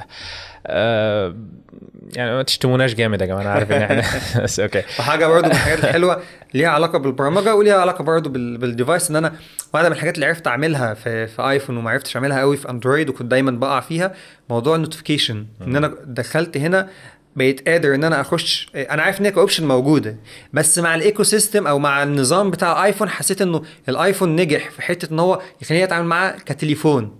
ان أنا ما بقيتش مرتبط بيه قوي ان أنا حتى ال notifications بقيت اخش. قلت له بقول لك إيه اقفل لي ال notifications بتاعت كل البرامج وسيب لي بس LinkedIn مم. فأنا حرفيا LinkedIn بس اللي بسمح له يبعت لي في اندرويد نفس آه، الكلام. ال option موجود. بس زي ما بقول لك ال- ال system أو النظام المعمول بيه ال notifications بيخليك في الأندرويد كنت دايما إيه بقعد أتابع وأشوف مين عمل إيه وعندي آه، شغف وعندي اهتمام إن أنا أشوف مين عمل إيه وبتاع. هنا الموضوع مش بنفس ال ال ال آه، اللي هو آه، ال- ال- الشكل البراك هنا لا كنت باجي بحس إن ال notifications لا مش مش أحسن حاجة وفي نفس الوقت اللي هو آه، بقول لك إيه كده. فهو النظام بشكل ما شجعني إن أنا أتحكم في ال notifications هناك في في الاندرويد ساعات بيديك options too much اللي هو عايز تقفل ال notifications طب عايز تقفلها لمدة ساعة؟ ولا لمدة كذا؟ ولا لمدة يوم؟ طب عايز عارف اللي هو إيه؟ لما تيجي تعمل deactivate للفيسبوك؟ طب أنت عايز تسيبنا ليه؟ إحنا زعلناك في حاجة؟ طب إيه رأيك؟ لا أنت لو قفلتنا هيحصل كذا. أنا عايز أقفل. خلاص على فكرة؟ في في ناس بتبقى شايفة إن دي ميزة إن هو مديني ال functionality ومساحة التحرك الكبيرة ديت. بس غالبا ده بيبقى شخص أصلا familiar أو مألوف بالنسبة له التكنولوجيا والحاجات دي آه، ايفون في ثقافتهم عامة اللي هو إيه أنا عايز جدك وجدتك يستخدموا التليفون آه، ده من. غير أي مشكلة خالص فهو آه، الناس اللي بتقول لك ده معقد وبتاع actually هو هو بسيط هو مجحف في البساطة آه. لدرجة أنت لا تتخيلها بس وبيحاولوا يحافظوا إن كل حاجة بتعمل experience. بتعمل حاجتها يعني ده ايفون أنا مش عايزه يبقى كمبيوتر. آه. على عكس سامسونج مثلا جت في الفئة بتاعت ال Note والحاجات ده دي. أنا عايز آه. آه. ال Note ده يبقى كمبيوتر. هو بالنسبة لهم ده في الأصل تليفون. أنا مش عايزه يبقى كمبيوتر مش هخليه يعمل لك الحاجات دي. عايز تليفون أهو. عايز بقى حاجة تعمل شغل الكمبيوتر روح لل iPad. عايز بقى حاجة أكتر روح لل MacBook. فهم صيع. هم بيعرفوا أنا أنا أنا بص لو قعدنا نتكلم عن Apple مثلا إيه ده؟ بودكاست تاني. بس سؤال أخير النضارة المدورة دي عشان أنت بتحب ستيف جوبز؟ لا لا خالص. يعني صدفة، عشان آه يعني عشان هي بتبقى زوجتي لل- بتقول لي آه يعني آه. هي لايقة أكتر على ال- هي لايقة شكل وشي آه. هي لايقة فعلا. ربنا يخليك. ما شاء الله. طيب آه يعني تجربة ثرية جدا يا أبو سريع والله. ربنا أو. زي ما أنت بت- بتبقى حابب father of speed أبو السرعة. أبو السرعة. ف ف في في الختام يعني آه، طبعا بنشكرك وكل الكلام. ربنا يخليك. هنشكرك في الآخر تاني بس. بس قبل ما بنختم آه، بنبقى حابين يعني إن الضيف يقول لنا إيه quote مقولة حاجة مسمعة معاه يعني أو بيقف عندها كتير عندك حاجة زي دي؟ آه ليك واخد note.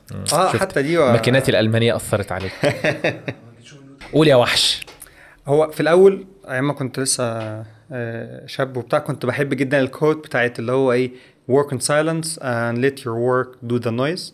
بس بعد كده غيرتها وبقيت مؤمن جدا بالكود دي وهقراها عشان هي يعني اتفضل. دايما بتبقى حاضرة في ذهني.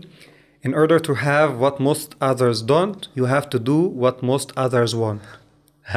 عشان تحصل على اللي أغلب الناس نفسها فيه يجب عليك إنك تعمل اللي أغلب الناس. مش هتقدر تعمله. ف... فدي دي رائعة. عشان توصل لحد ما وصلش ليه لازم تعمل اللي محدش عمله. اللي هو أغلب الناس بتهرب ليه وال commitment في نعمل كذا وكذا كده. فاهم قصدي؟ حلوة يعني أنا بيعجبني جدا ال quote ده. وكنا استخدمناه على فكرة في أحد الفيديوهات على دروس أونلاين قبل كده. جميل. آه شكرا والله يا أبو سريع. يعني تجربة عظيمة وتجربة ثرية وتجربة مختلفة. يعني أنت أول حد يروح للغرب وما ي... آه، عينيه ما تزغللش أو يبقى باصص ل أو أول حد إحنا نعرفه يعني آه خلينا نقول في آه، ناس آه، كتير يعني كده ناس بس, كتير كده بس ما لم تتاح. ليهم فرصة إن هم. يظهروا آه يعني بشكل أدق آه. أنت أول حد راح و وقرر إن هو يرجع وقرر إن هو يشارك هو ليه رجع وقرر إن هو يشارك مع الناس في حاجة في مطبات كتيرة وفي حفر كتيرة هتقعوا فيها. لأن ف- للأسف في ناس كتير بتتكلم في ال... في الإيجابيات و و و ف-. فالصورة غير مكتملة. ف... ف... فلازم أنا كنت حاسس إن أنا حابب إن أنا أطلع آه في ناس هتنتقد كتير و... والكلام ده كله بس حابب أوازن الصورة إنه هتروح هيبقى فيه المميزات كذا وهيبقى فيه العيوب كذا عندك العلم كامل خلاص يا. معلم. روح آه، وانت المسؤول. جزاك الله خيرا يا أخي وربنا يجعله في ميزان حسناتك. الناس اللي انت نبهتهم أو نورت لهم ال- الطريق في حاجة زي ديت وشكرا على تشريفك. وأكيد يعني عايزين عايزين ندي الراجل بوش قوية جدا. آه، عايزين نوصل قناته إن شاء الله ل 50 ألف subscriber يعني إيه في أول أسبوع من البودكاست ده. اي وش. عشان إيه نقعد نقول إحنا اللي وصلناك. شكرا ربنا و- في شكرا ليك على استضافتك وإنك. اديت لي ال- الفرصة الرائعة دي إن أنا أعرف أتكم... أتكلم و ده إحنا اللي مم... وشارك ده إحنا اللي ممنونين والله. ممنون أولدم يا أستاذ. ربنا إنك. تتعلم تركي يعني. شكرا و السلام عليكم. سلام عليكم.